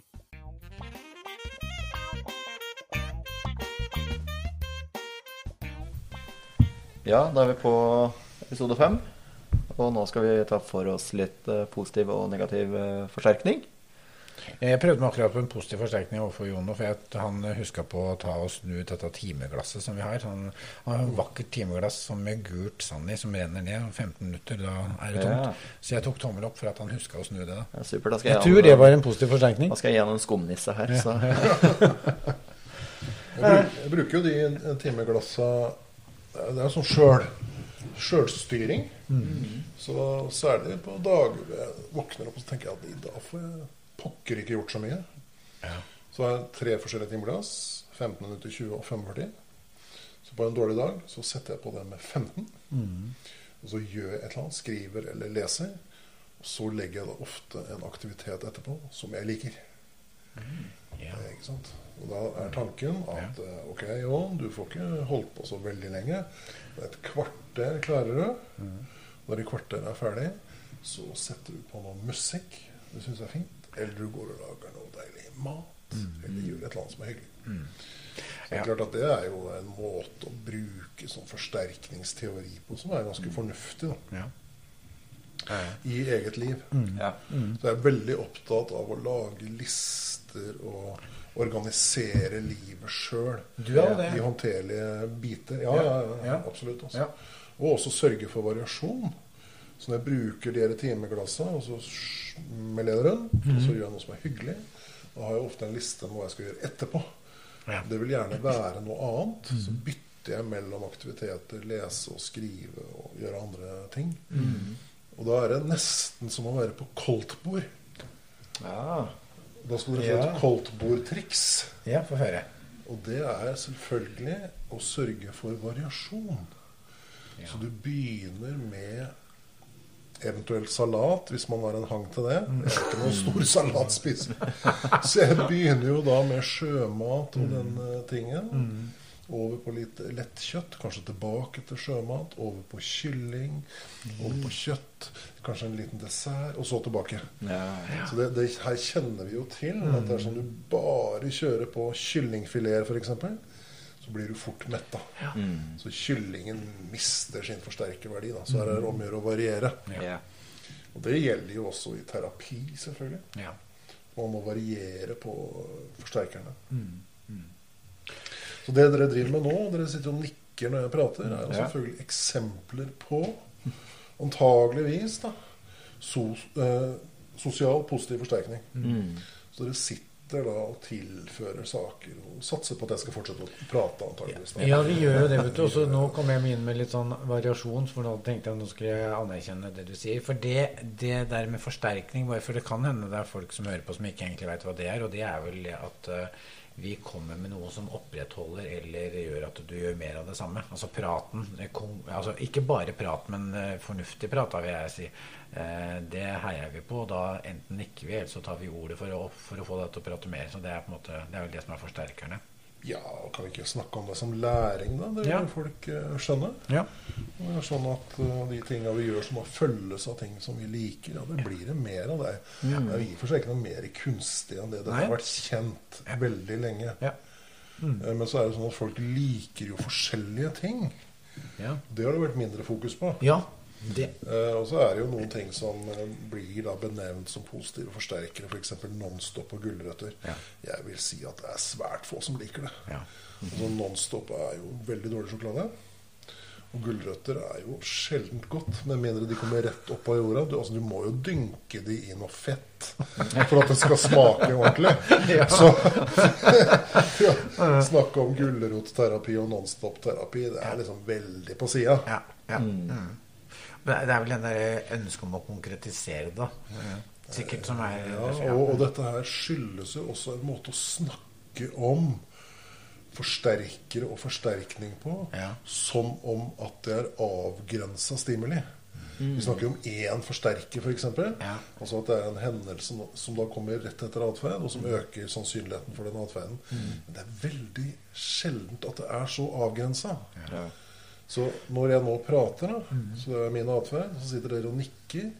Én klør seg i skjegget, og den andre nikker litt mer enn den andre. Noen har noen lyder i tillegg. Det er ganske sammensatt. Så det er mye lurere å tenke på forsterkning, som da er prosessen, læringsprosessen, og forsterkere som mer sammensatte hendelser. Endring i kraft, endring i energi. Ja. Så det går fra én tilstand til en annen. Og så tenker jeg også, jeg følger deg helt, og så tenker jeg også at, eh, at det der å ha bevisstheten på at, eh, at noe som er forsterkende for en, forsterkende for én person, kan være eh, det motsatte for en annen. Eh, for mine elever så tar jeg følgende eksempel. Hvis jeg skal lese opp en Jeg kan finne to gode tekster som de har skrevet i psykologi 1 eller psykologi 2, faget som jeg underviser i. Og så kan for den ene kjenne at den bare blir fornøyd og veldig sånn der Å, få anerkjennelsen og vokse på det. Mens den andre kan faktisk få opplevelsen at kan aldri skrive så godt igjen, for så flaut å bli lest opp. Sant? Den ene blir det virkelig en, en, en motivasjon for å liksom gjøre mer av det og bli enda bedre, mens det andre egentlig nærmest eh, blir, et, eh, blir en straff. Og det Ja. samme Og det er kanskje ment som, ment som forsterkende, men det blir ikke tatt imot som det, og da er det jo ikke det. Det er klart Hvis dere nå hadde sagt 'Å, fint, Jon. Flott. High five', jeg hadde jo ligget nærmere å få en på trynet enn at jeg hadde snakka mer. ikke sant? Ja, ja. Så det må jo brukes med omhu. da. Ja. Men jeg tror det, noe av kjernen ligger i at vi har tenkt for enkelt rundt det med forsterkere, Ja. og for mye i retning av at det er avgrensa stimuli. Ja. Ja. Skal jeg, har vi tid til en liten historie? Ja, ja. Ja, vi sitter jo i et- en stue nå, og her borte så er det en kommode som jeg kjøpte ganske nylig. Den som står rundt hjørnet der. ja. Så skal vi gå og se på den Eh, etterpå. Ferdigmontert. Ja. Eh, Så litt dyr. Ikke Ikea-drit, men ferdigmontert. Så det var egentlig bare fire ting som skulle skrus på, det var beina. Fire klosser. Og så legger jeg den ned på gulvet der. Det er to sånne dører som er sånn at når du trykker på dem, så spretter de ut. Så la jeg det ned da, med dørene ned og skrudde på de her beina. Setter den opp. Så trykker jeg på den ene døra, og så oppdager jeg at jeg har fått trykka døra for langt inn. Og den kommer ikke ut igjen. tenkte jeg det var da som pokker. Så tenkte jeg at nå skal du være litt lur, Jon. Så du skal få opp den døra uten å dra med hele driten opp på butikken igjen. da. Den er tung, da. Så jeg prøvde først å stikke inn en kniv, men oppdaga da fort at det kom til å lage merker. I deg, Jon, før du ødelegger den. Ja. så skaffa jeg meg gaffateip og så hyssing. Så tok jeg en hyssingstump og limte på døra med gaffateip. Og tanken var da å dra i den hyssingen, så jeg fikk dratt døra ut. Ja. Men den satt såpass godt fast, så den gaffateipen ga jo etter. Ja. Oh, ja. Virkelig ekstinksjon her, altså. Så jeg holdt på å gi opp. Så jeg la meg da bokstavelig talt ned foran den kommoden. Du begynte ikke å grine? Jeg var rett før. Ja. Begynte å grine. Og så ligger jeg der, og så ser jeg den døra som er trøkka igjen. Og så ligger jo den hyssingstumpen der. Og på litt sånn MacGyver-vis tenkte jeg svarte jo.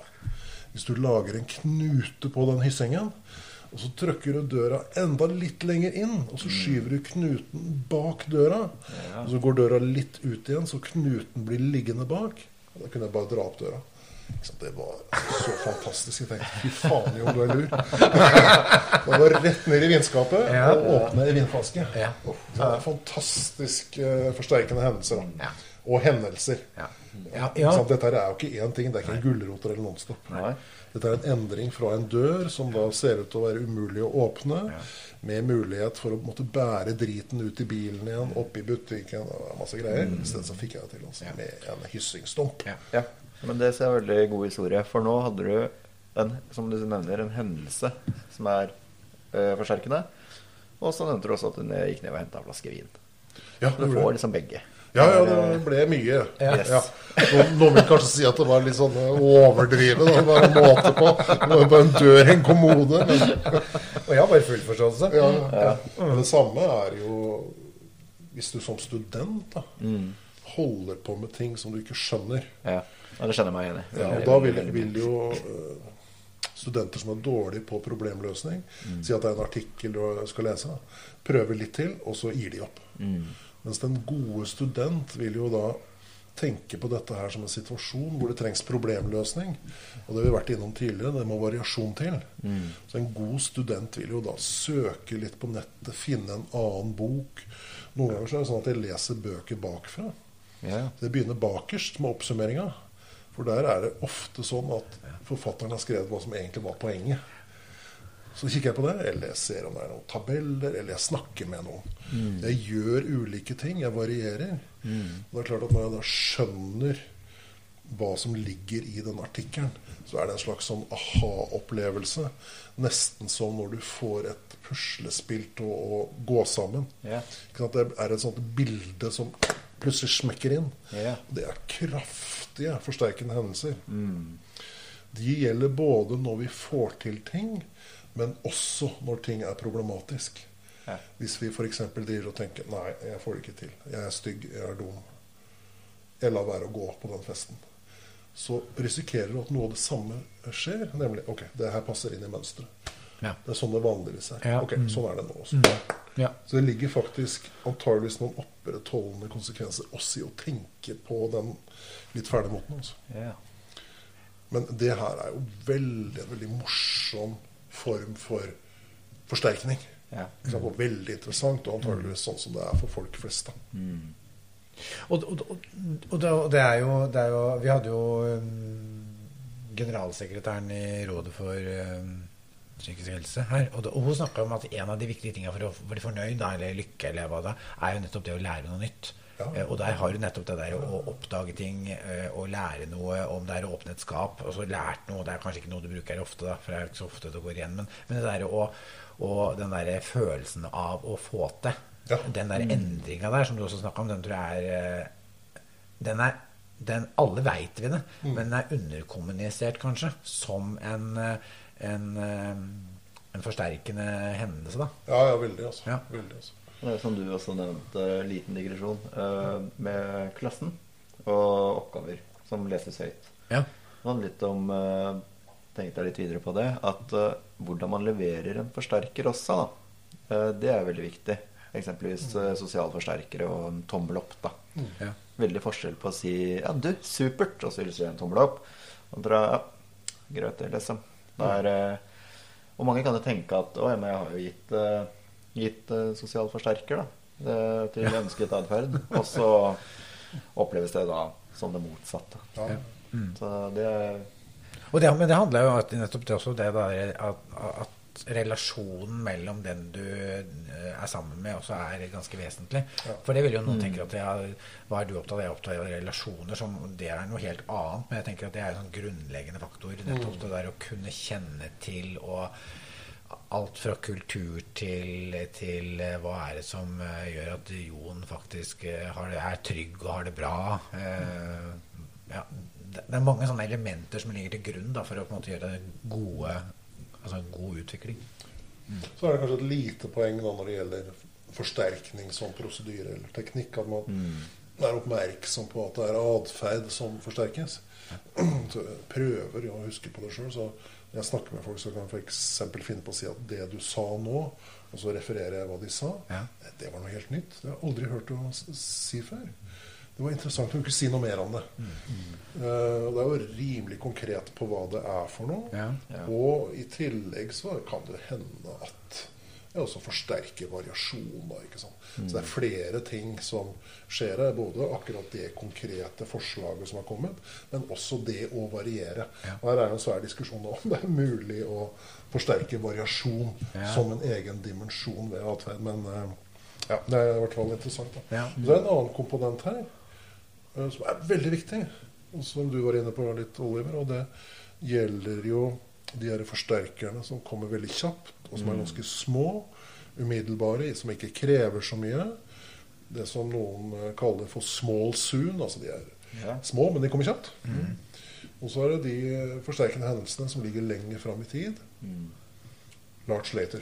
Ja. Eh, Og det her skillet mellom small soon og large later er forferdelig viktig. Og langt på vei skille mellom impulsivitet og sjølkontroll. Ja. Det er klart at mye av det folk sliter med Studenter som prokrastinerer eller utsetter. Folk som spiser for mye, drikker for mye. Oversexer, går det an å si det? Ja. Ja. Er det lov å si? Vi skjønte i hvert fall hva du mente Ja, med det. ja, ja, jeg tenkte å si noe annet, men det, det, kan du ikke si. Nei, det kan du ikke det, si. Det går ikke, altså. Jeg tror det var en fagforening. Men eh, det å være oppmerksom på de her small soon-fellene er jo veldig viktig. Og mange av de her hverdagsproblemene folk har, da, dreier seg om det vi er fanga i feller. Som er sånn at forsterkerne kommer med en gang. De er små, men de er deilige, og de er fine, og de er flotte. Så det å få til en overgang til large later vil jo veldig ofte være en viktig del av den terapeutiske jobben. Veldig. Og, og, og hverdagslivet. altså Hvor mange er det ikke som eh, går og ser på telefonen? Altså, vi er jo der sikkert alle sammen. i forhold ja, til, altså, ikke sant? Det er jo den du får stimuli hele tida. Ja, ja. Eh, konkurrerer eh, med læreren eller med, med terapeuten eller med hvem det er, så kan du fort konkurrere ut mye. Ja. Ja, det er vel det, det er et morsomt eksempel du nevner. Altså, her kan man jo bli forbanna på han der fyren nede i USA som driver Facebook. Eller man kan lære seg atferdsanalyse. Ja. Ikke sant? Ja. Så skjønner du hva som skjer. Ja. Ja, og Kan du bruke en telefon fornuftig? Ja. Ja. Og så er det jo noe med Men, men mye noe, altså Jeg opplever at mye handler om bevissthet òg. Altså, hva er nettopp det der å vite at nå går jeg på de bitte små forsterkerne istedenfor å på en måte nettopp avvente litt grann, og for å få noe mer. Det der å, Bevisstheten på det. Bare det å snakke om det i klassen opplever jeg har effekt. Ja. Så Det er morsomt at du nevner begrepet bevissthet. Fordi at eh, det er jo litt problematisk i den forstand at det er en sånn samlebetegnelse. ja. Mm. Men, eh, men du sier jo samtidig hva det kan innebære, nemlig å kunne snakke om hva du holder på med sjøl. Ja. Altså Hvis du klarer å verbalisere det du holder på med, da er du ganske nært det folk flest kaller for å være bevisst. Ja. ja. Det er jo for øvrig et veldig godt sånn atferdsanalytisk triks. Å gå fra de her samlebetegnelsene og ned til noe konkret. Det er kanskje en ny episode? Kanskje det. Ja, for vi har vært innom eh, mye av det vi skulle i denne episoden her nå, tror jeg. Ja. Og så liten ting, bare. En masse skal, skal levere forsterkere, som du nevnte i stad, med sånn atferd, eh, atferdsspesifiserende forsterker. Ja. Eh, Det er veldig viktig, samtidig som når det blir levert. Eh, hvis jeg er på, er på et arrangement, da, og så får jeg høre plutselig eh, to uker etterpå ah, det var morsom. Ja. Så er det, å ja, ok, når var jeg morsom? Hva var morsomt? Hva, der veit ikke jeg hva jeg får ros for nå, da. Ja. Man har sånne ting litt i bakhodet på når det leveres, og hvordan, og hva. Ja, det er klart at eh, det gapet her, som du nevner, da, mellom når situasjonen oppstår, og når atferden oppstår, og konsekvensene kommer Hvis Ja. det gapet er svært, så må det liksom fylles igjen på et eller annet vis. Ja. Og én måte å fylle det igjen på, er jo å være orientert mot verdier Ja. og regler. Og f.eks. kunne si til seg sjøl at ok, det tar litt tid før det her skjer, men det her er viktig for meg. Så det er klart at folk som er verbalt godt kompetente, har en fordel da, når det gjelder Lars later. Du kan fylle det tomrommet med sjølsnakk, f.eks. Så det er jo viktig å huske. Ja, veldig godt sagt. Det lander vi der, da. Det gjør vi.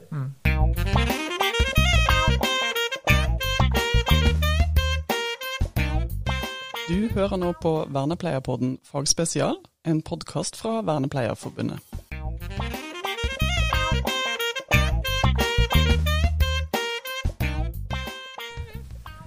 Hvilken episode har vi kommet til nå? Godt spørsmål. Tenker vi er på episode seks. Ja, Ja. Stas. Vi har spist, da. Vi har spist. Vi har spist. Ja, veldig godt. Veldig, veldig godt. Det fint, fint. Ja. Hva har du spist da? Shakshuka. Shakshuka? Veldig, veldig godt. En ja, Midtøsten-inspirert eh, rett Ja. med nedkokte tomater og chili og løk. ja. Med egg som da legges i sånne små groper oppi denne blandingen. Og blir eh, på et sett og vis posjert Mm. da i denne løk- og tomatblandingen. ja. Det var en god, eksplosiv opplevelse. Fantastisk. Ja, det var det. Veldig, Takk for veldig. det. Takk for det, takk for det. Tusen takk for maten, og så går vi videre. Det gjør vi. Mm. Eh, nå skal vi snakke litt om uh, MI, motiverende intervju. Ja. Så Hvorfor er det viktig, da, Jon? Ja, det Tenker var du? jo et godt spørsmål, da. Starta med Jeg skrev en bok sammen med min tidligere kollega Roar Pettersen, Ja. som kom i 2006. Den har kommet i nye utgaver nå i, nytt utgave nå i 2019. Kortere versjon. Som dreier seg om veiledning. Heter vel 'Veiledning i praksis'. ja. Den boka starta ut med at jeg hadde en del saker i habiliteringstjenesten.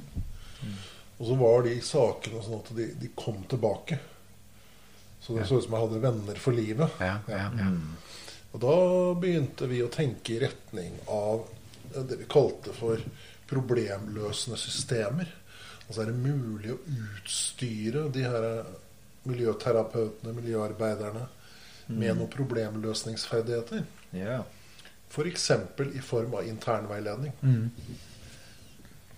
Og så begynte vi å lage noen kurser hvor vi lærte folk opp i det som vel kan kalles for på jobben-veiledning. Helt i starten så kalte vi det for stubbeveiledning. Det er fordi at jeg hadde en del saker. Og gjerne da folk med autisme. Og vi er litt tilbake i tid. Og da var det sånn at dersom du hadde autisme, og f.eks. slo og sparka litt, så var det en stygg tendens til at jobben din ble ute i skauen. ja. Hva skulle du drive med det? Jo, hogge ved. Med øks. Klyve ved med øks eller en litt sløv vedklyver som man hadde arva fra nabogården, og et sekkestativ som var helt skeivt. Eh, ja, og da begynte vi da med, med stubbeveiledning. Så når uh, miljøterapeuten hadde fått en vedkubbe i huet, Ja. så satte vi oss ned og så prata vi om det. Hva var det som skjedde her nå? Altså. ja. Så da- var det i prinsippet en kombinasjon av funksjonelle analyser der og da, og en gjennomtenking av det. Mm. Og Da dukka jo også de veiledningsferdighetene opp. da. Og Så ble dette mer systematisert som egne kurser for de miljøterapeutene. Og Sånn dukka da boka opp. Og vi starta ut med 22 teknikker. Veiledningsteknikker. Ja. Apropos kjerner, som vi har snakka om tidligere. Vi har økt på nå. Jeg tror det er 24, så nå kan vi lage julekalender. Ja. Det er veldig interessant, altså. Men så er det jo sånn at i eh, det her veiledningsfaget Det er nesten som litt sånn babelsk forvirring. Apropos historien i Bibelen. Hvor eh, folket da driver og bygger et tårn som skal nå opp til himmelen. Og så griper da Gud inn og sørger for at de folka begynner å snakke ulike språk. Og så blir det Ja, du skjønner hva som skjer. Så var det litt på veiledningsfeltet også. Så det er mye forskjellige perspektiver og ordnings. Men vi har da plukka ut noen ferdigheter som er viktige. Men så er det da sånn at på veiledningsområdet så går det litt sånn i motebølger. Så for 15 år siden så var det det som heter LØFT. Ja. Løsningsfokuserte tiltak som var aktuelt. Nå er det ME. Ja. Det er et poeng i seg sjøl at det er motebølger. Det er ganske langt unna å være forskningsbasert. Man er motebasert. Ja, ok. Så Vi har hengt oss på den mota der og også skrevet et kapittel i den boka om MI. da, Motiverende intervjuing. Og det er jo en måte å snakke med folk på som dukka opp midt på 80-tallet. I Bergen, faktisk. Og innafor rusomsorgen. Det som var utgangspunktet, var at ganske mange av de som fikk rusbehandling, ramla tilbake. Såkalt relapse. Ja. Og Da var det noen som begynte å tenke at kanskje det er sånn at motivasjonen for behandling er for dårlig utreda i forkant. Kanskje vi skulle snakke litt om det. Så begynte man å snakke om det. Og så har det blitt motiverende intervjuing som har spredt seg til alle mulige slags felter. Ja, nettopp. For det er jo det, Vi finner jo en overalt nå. Ja, bare var overalt. Ja. Hele Nav-systemet som ja. driver jo med MI. Og apropos det med evidens eller forskningsbase, så ser det ut til å virke litt. Men uh, ikke på langt nær så mye som det selges inn med. da. Men dersom du kombinerer MI med noe annet etterpå, Ja. da snakker vi om litt bedre effekter. Men uansett så er det jo en eh, lur strategi. Det er lurt å tenke avklaring og motivasjon. Eh, og mye av dette her, det er det som gjør det interessant, da, baserer seg på atferdsanalyse. Det er jo egentlig en helt fantastisk miks mellom atferdsanalyse og det som kalles humanistisk psykologi. Ja. Som jo ofte også blir kalt den tredje bølga i psykologien. Så du har psykoanalyse først, og så har du beverisme, og så er det humanistisk psykologi. Mm. Som jo på mange måter er en reaksjon på de to første. Hvor det med fri vilje står helt sentralt. Ja. Så både Freud og Skinner var jo determinister, for å si det sånn. Det vi gjør, er jo bestemt fra tidligere. Mens den humanistiske psykologien var jo sterkt inspirert av eksistensialisme. Og vi er tilbake til Frankrike og Sartre og de Beauvoir og de tingene der, som er veldig morsomt. da. Og en psykolog, eh, psykiater, eh, som het Carl Rogers, og som diskuterte kraftig med Skinner på 50-tallet. De diskuterte jo nettopp om vilja var fri, da. Dere skjønner jo sikkert standpunktet her. De ligger, de ligger Det ligger litt i korta. Ja. Men eh, Rogers utvikla jo det som da kalles for ikke-dirigerende eller ikke-styrende terapi. Og Det finner man igjen i MI. Ja. Altså det som kalles for MI-ånden, eller en sånn grunnleggende innstilling til hvordan du skal snakke med folk.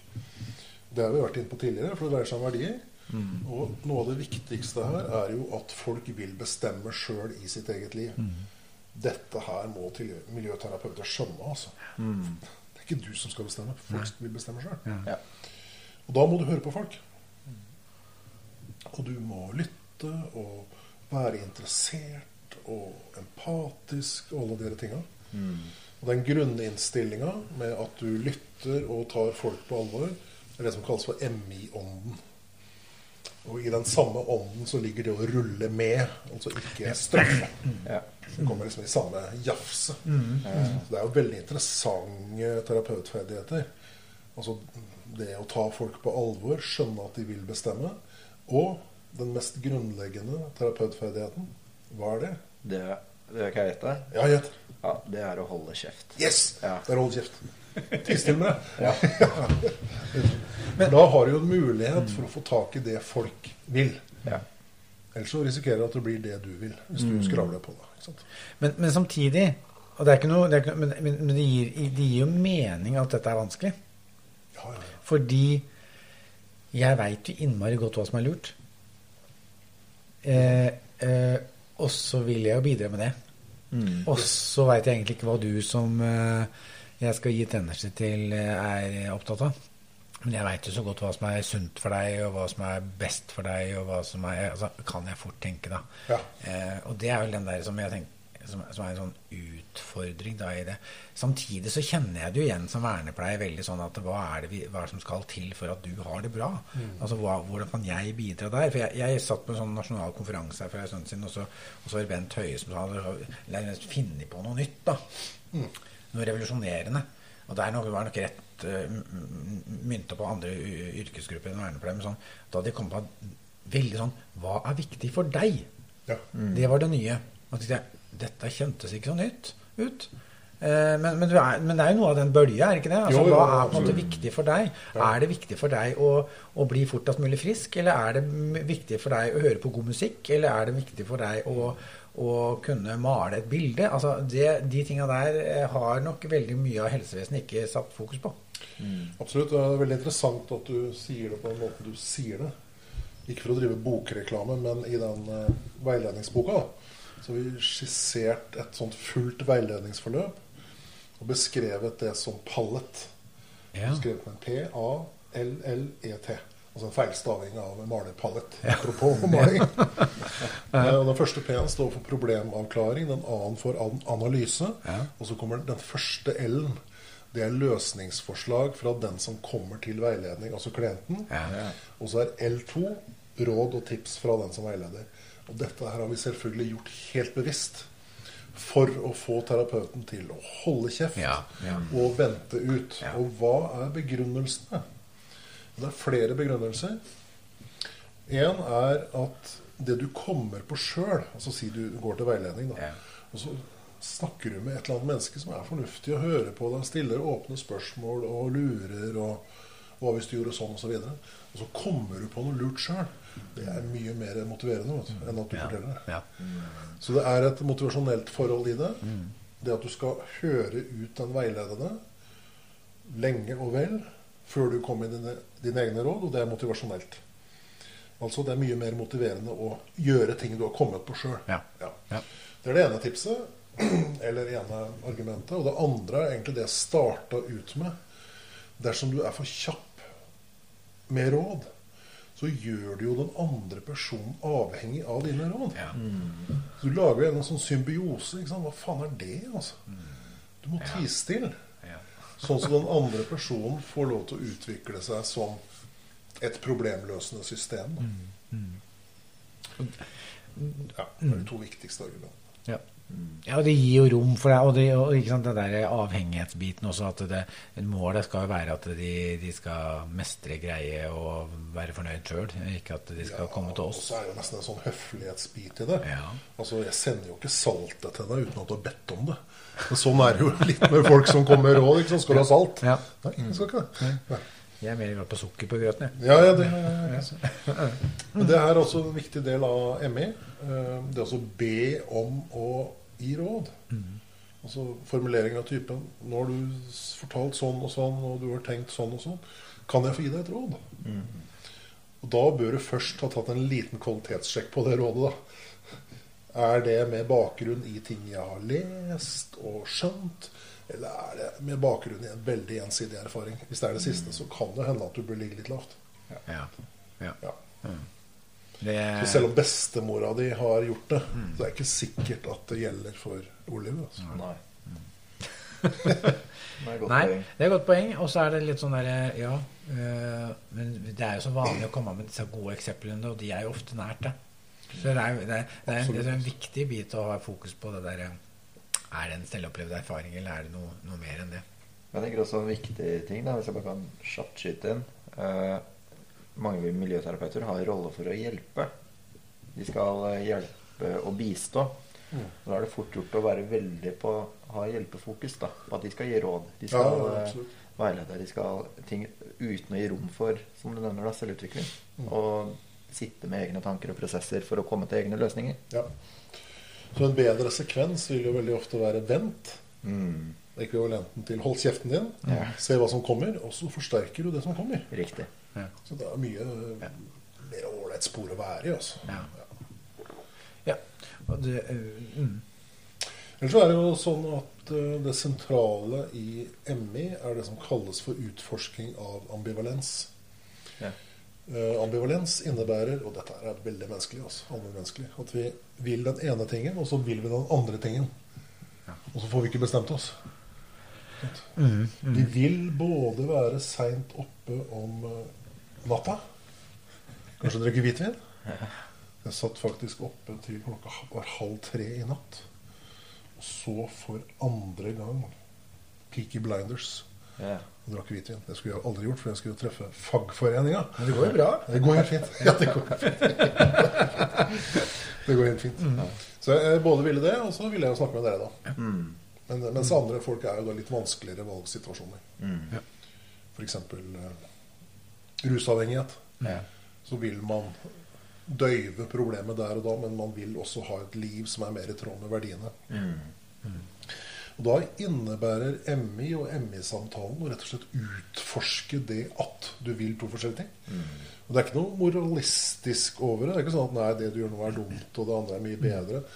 Poenget er at det får folk finne ut av sjøl. Mm. Ja, rett og slett. Og Hvis ikke folk finner ut av det, så er det også en grunninnstilling i MI, i hvert fall sånn som jeg forstår det, at da sier du at ok, da er det vel sånn det var den gangen her. Ja. Du er hjertelig velkommen tilbake. Ja. Ja. Så man gir ikke opp folk og sier at nei, du er lost case.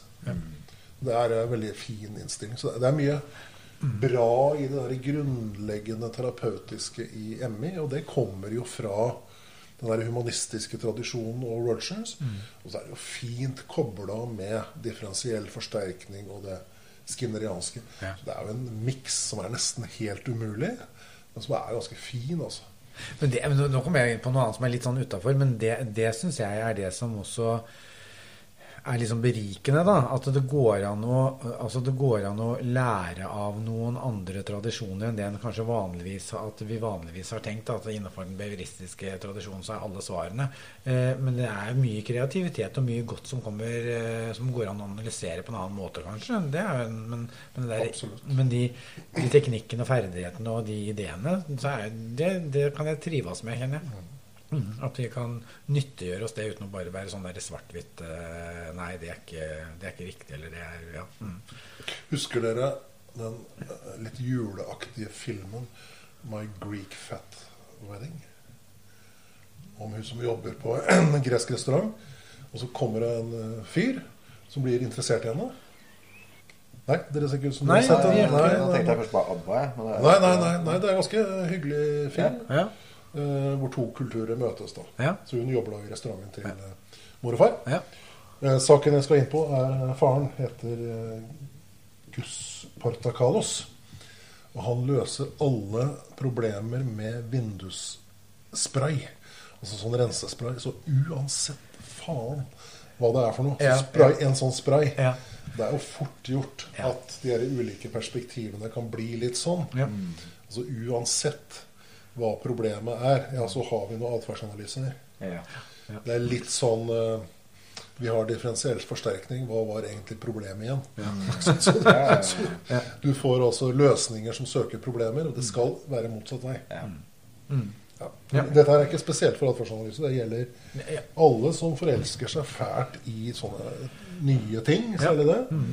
Eh, I barnevernet nå så er det jo sånn traumefokusert terapi, mentalisering. Ja. Ja, det er jo langt på vei. Ja. Eh, perspektivtaking og emosjonsregulering i ny tapping og med ny overskrift. Ja, det tror jeg Men, det, men det, det der å ha bevisstheten på at, eh, at, eh, at det er individet, det er det enkelte personen, verdiene, og det er det problemet som eventuelt er der, som skal Og ikke finne, løse alt med samme hammeren her. Med samme sak. Ja, og så er det litt sånn som vi har vært inne på tidligere, at folk er folk. Ja. Det er antageligvis en viktig bakgrunn for at det ikke er så veldig mye nytt i psykologipedagogikk. Vi veit mye fra før av. Og derfor så vil jo de samme tinga komme litt igjen. Men skal det selges, så må det jo komme et nytt navn på det. Ja. Jeg sier ikke nå at de er slue, de som selger dette her, men, men det er nok litt sånn det er, altså. Ja. Rett og slett. Det bør man jo være oppmerksom på. Og dette har betydning for utdanninga til terapeuter. Mm. burde jo legge vekt på de her kjernetinga. Mm. Mer enn et eller annet perspektiv. Men de her kjernesakene burde jo være sentralt i pensum når det gjelder miljøterapi og miljøarbeid. Og nå har vi vært innom noen kjerner, så skal vi innom noen flere. Men nå skal vi lande ut denne episoden. vi. Det det går unna dette her, altså. Det gjør det. Himmel, altså. Du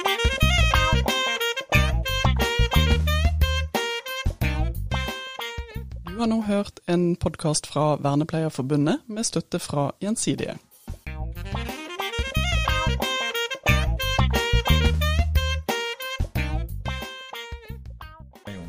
Ja. Ja. Tenkende Jon og nytt tema.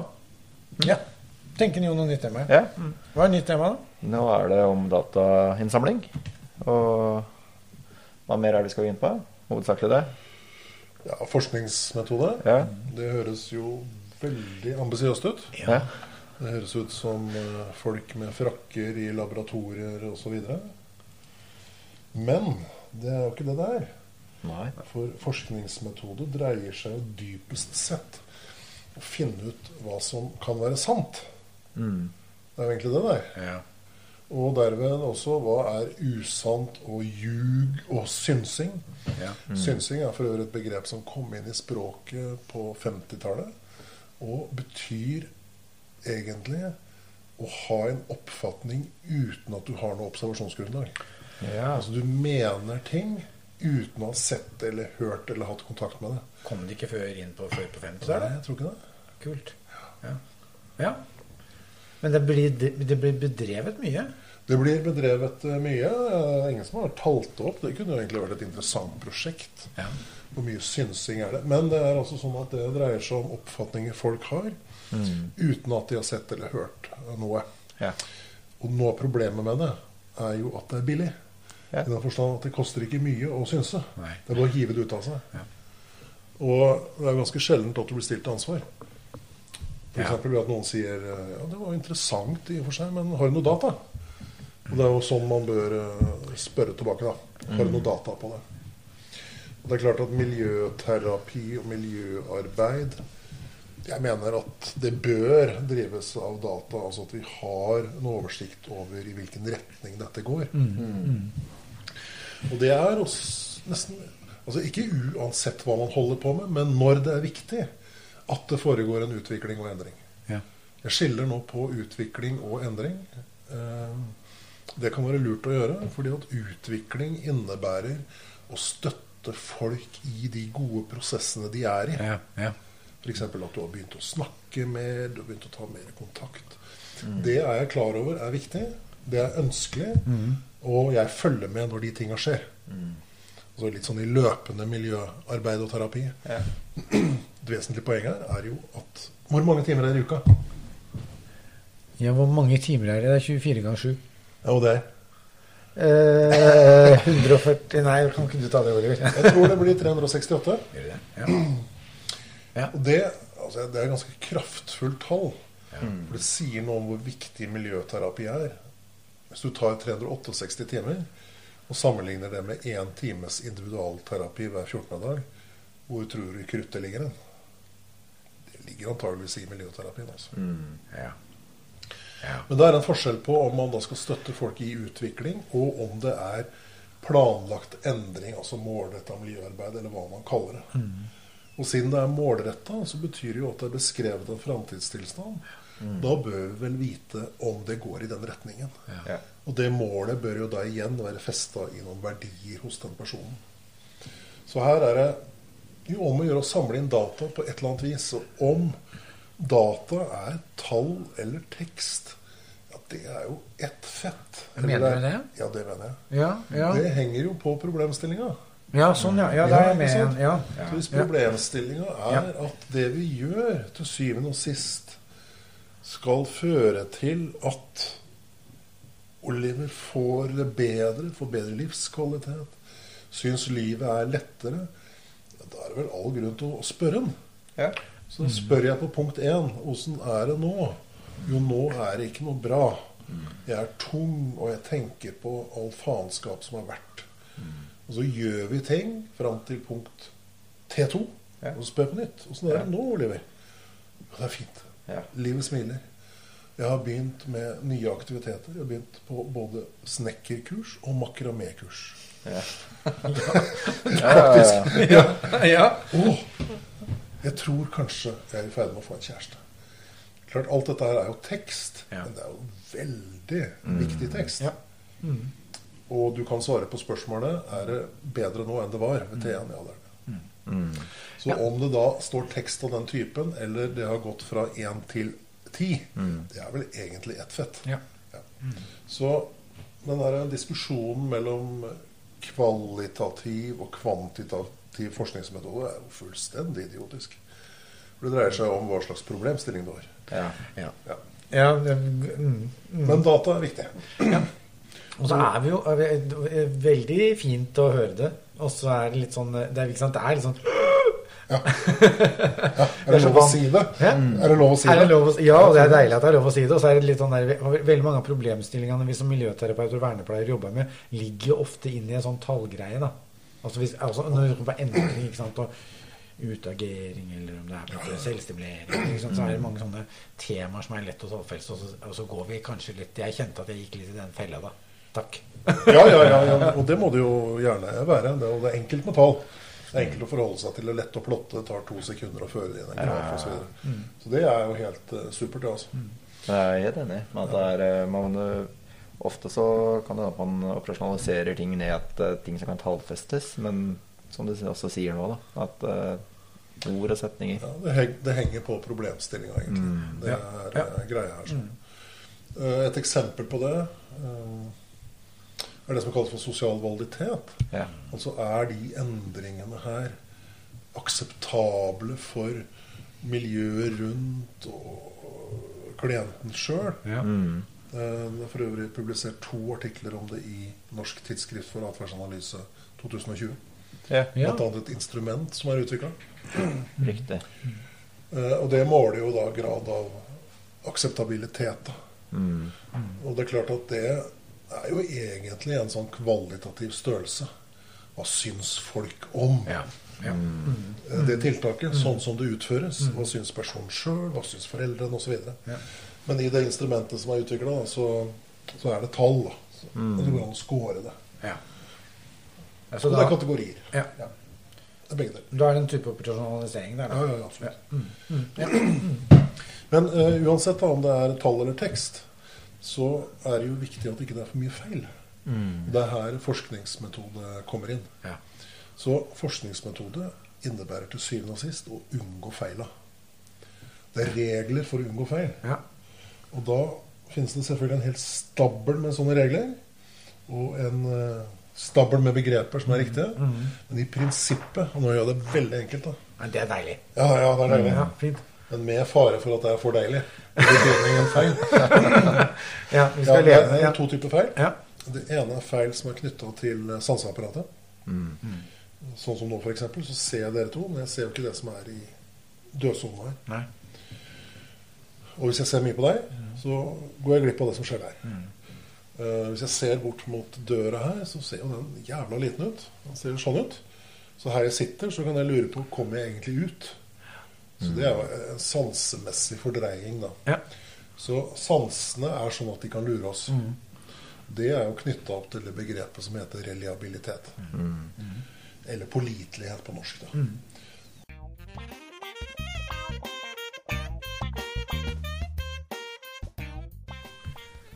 Ja, det her er begrepet reliabilitet, eller pålitelighet. Det handler jo da om vi ser eller hører som omtrent det samme dersom vi ser eller hører samme situasjon. Ja. Så her For et øyeblikk siden så kom jo Ylva inn døra her. Så det er jo spørsmålet om vi har sett og hørt det, alle tre. Dersom- Er det bare flere her? det kan være flere. Ja, det kan være flere. Så har det kommet noen inn døra? Ja, det kommer. Ja, unnskyld. Mm. Det blir rene humorprogrammet der. ja. Men det er vanlig å ha to stykker da, som sammenligner de her observasjonene. Ja. Og Det kan det være lurt å gjøre noen ganger dersom det er viktig at data er pålitelig, altså at det ikke er mye sånne sansefeil i det. Og f.eks. ha et videokutt hvor to stykker observerer det samme, og så sjekker man etterpå om det samme er sett. Og Det åpner jo opp for flere muligheter. Altså Hvis det er dårlig samsvar, så bør man jo øve på å observere.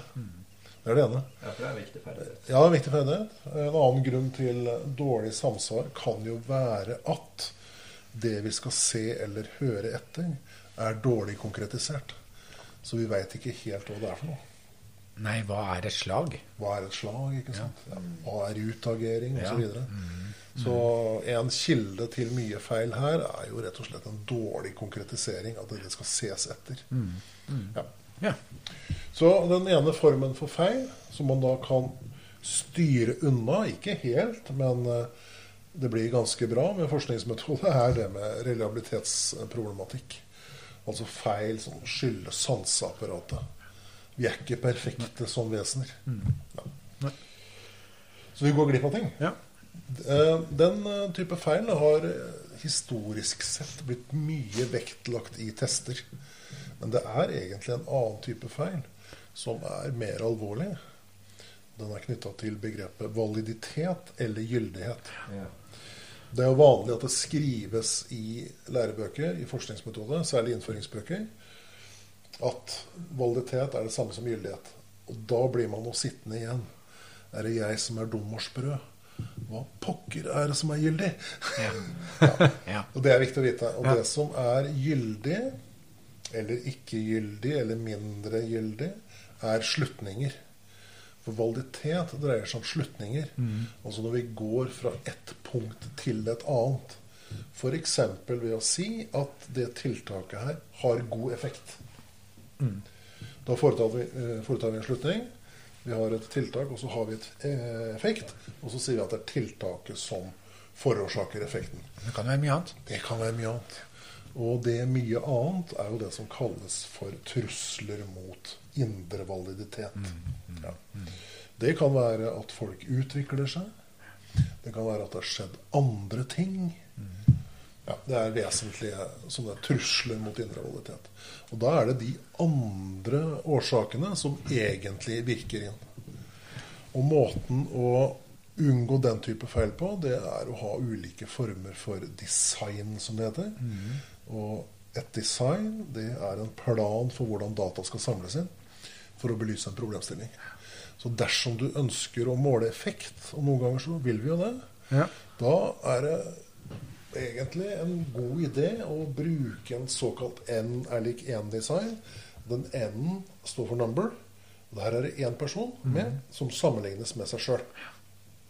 Og i terapien, når vi snakker om miljøterapi, så er vel det en sånn viktig element her. Ja, det er et viktig element. For det er ikke sikkert at eh, det som funker på deg, funker på meg. Nei, og, og noen ganger så er det sånn at folk rapporterer problemer. Og hvis du begynner å se ordentlig etter, f.eks. da telle opp, ja, så er det ikke sikkert at det er så mye. Nei. Og det kan være at det problemet er oppi huet på en person som sier Ja. det. for å si det sånn. Ja. Så det å ha en sånn registrering før man gjør noe, ha ulike funksjoner Ja. Den ene er det vi snakker om nå, og så er det virkelig grunn til å gjøre noe her. Ja eller nei. Og den andre er jo dersom vi skal uttale oss om effekt, så må vi sammenligne med noe.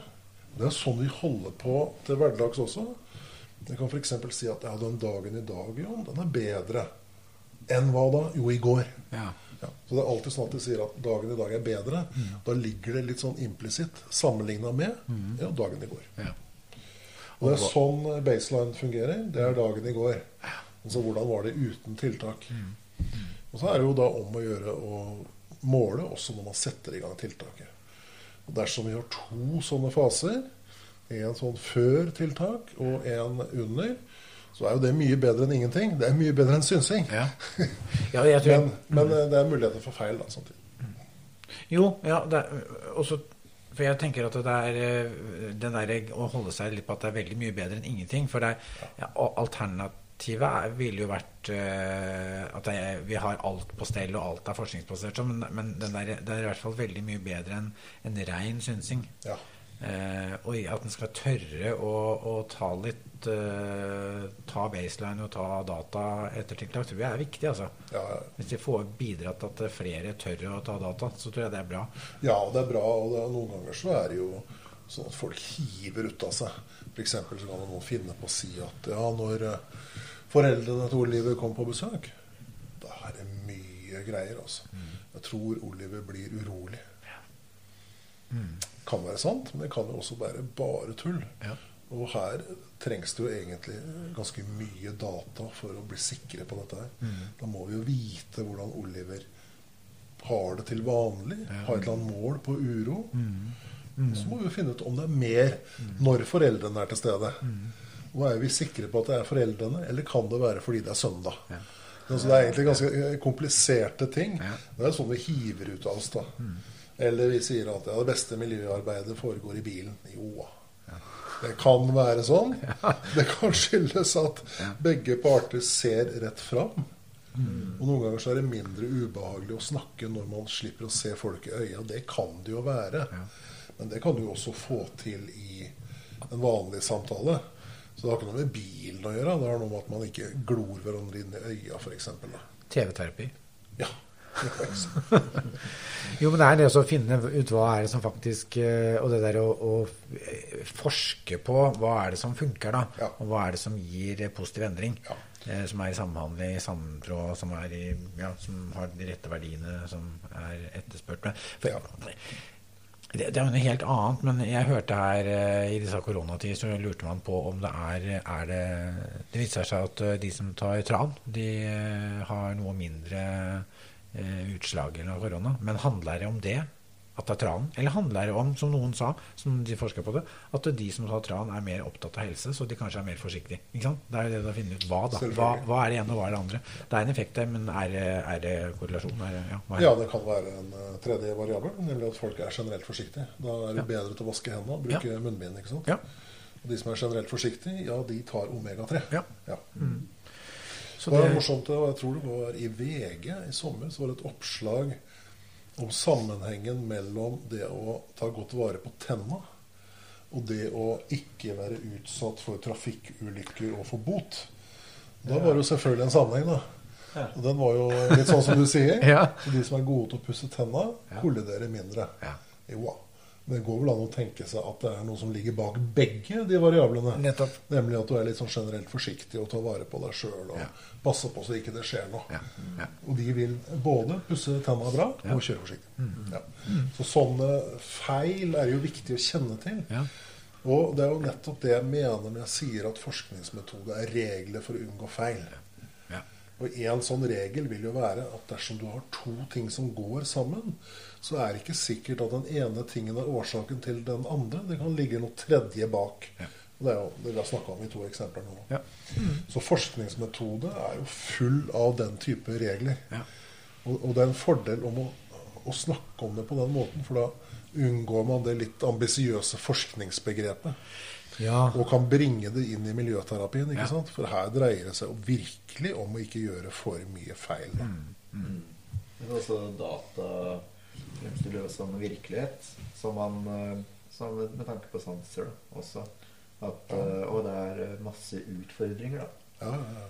Og så tar man og ja, tar eh, data på varighet, eksempelvis. Og så er det ja, i løpet av åtte timer er det fem minutter, eh, kanskje. da. Mm. Så er det kanskje ikke så ille i anførselstegn som man først antok. Mm. Så det, er, eh, det fremstiller en virkelighet, da.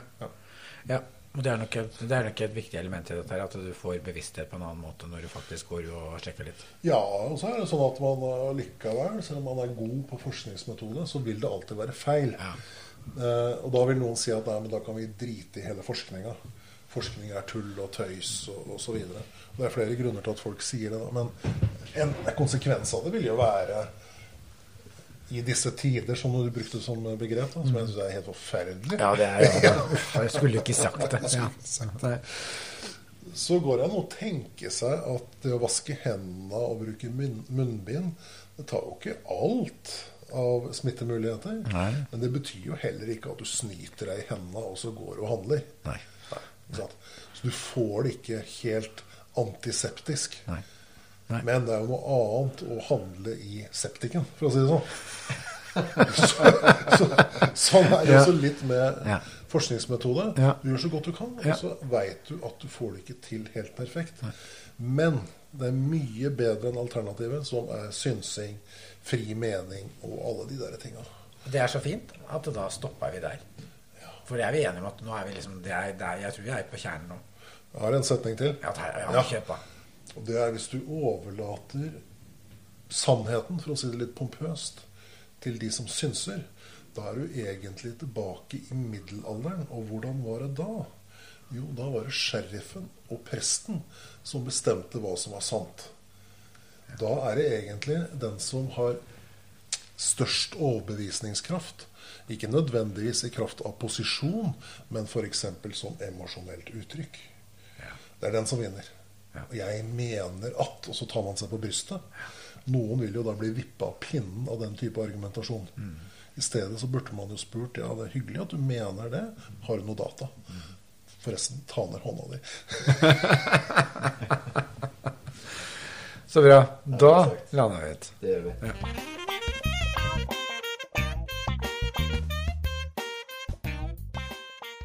Du har nå hørt en podkast fra Vernepleierforbundet med støtte fra Gjensidige.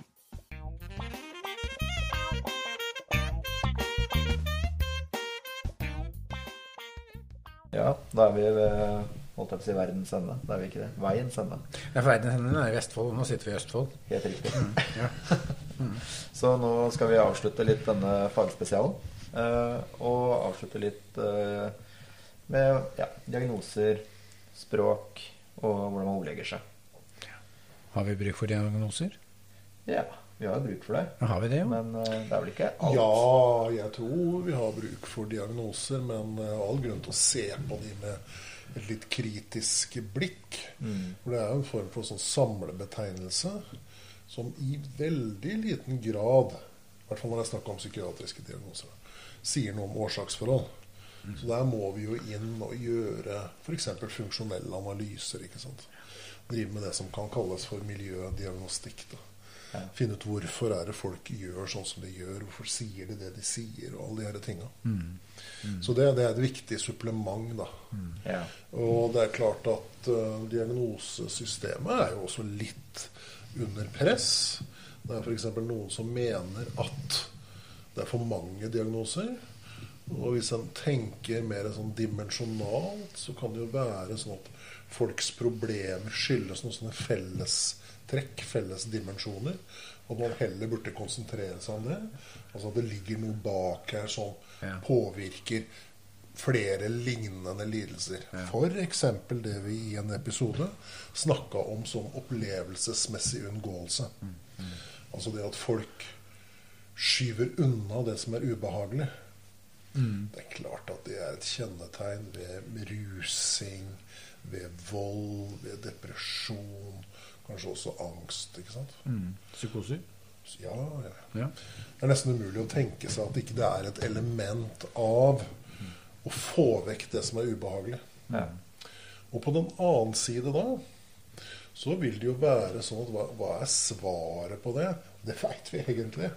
Det er jo en eller annen form for eksponering. Ja. Så eksponering, altså det å utsette seg for de tinga som er ubehagelige, være villig til å se på det, akseptere det, ikke betydningen akseptere at livet er urettferdig nødvendigvis, og at man Nei. tjener for lite penger, men akseptere at det har vært sånn, og ville se på det, er nok veldig viktig. Og så fort vi begynner å snakke på den måten, så er det jo en eller annen form for eksponering, hvor du altså da slokker ut den tendensen til å ville stikke av. Ja.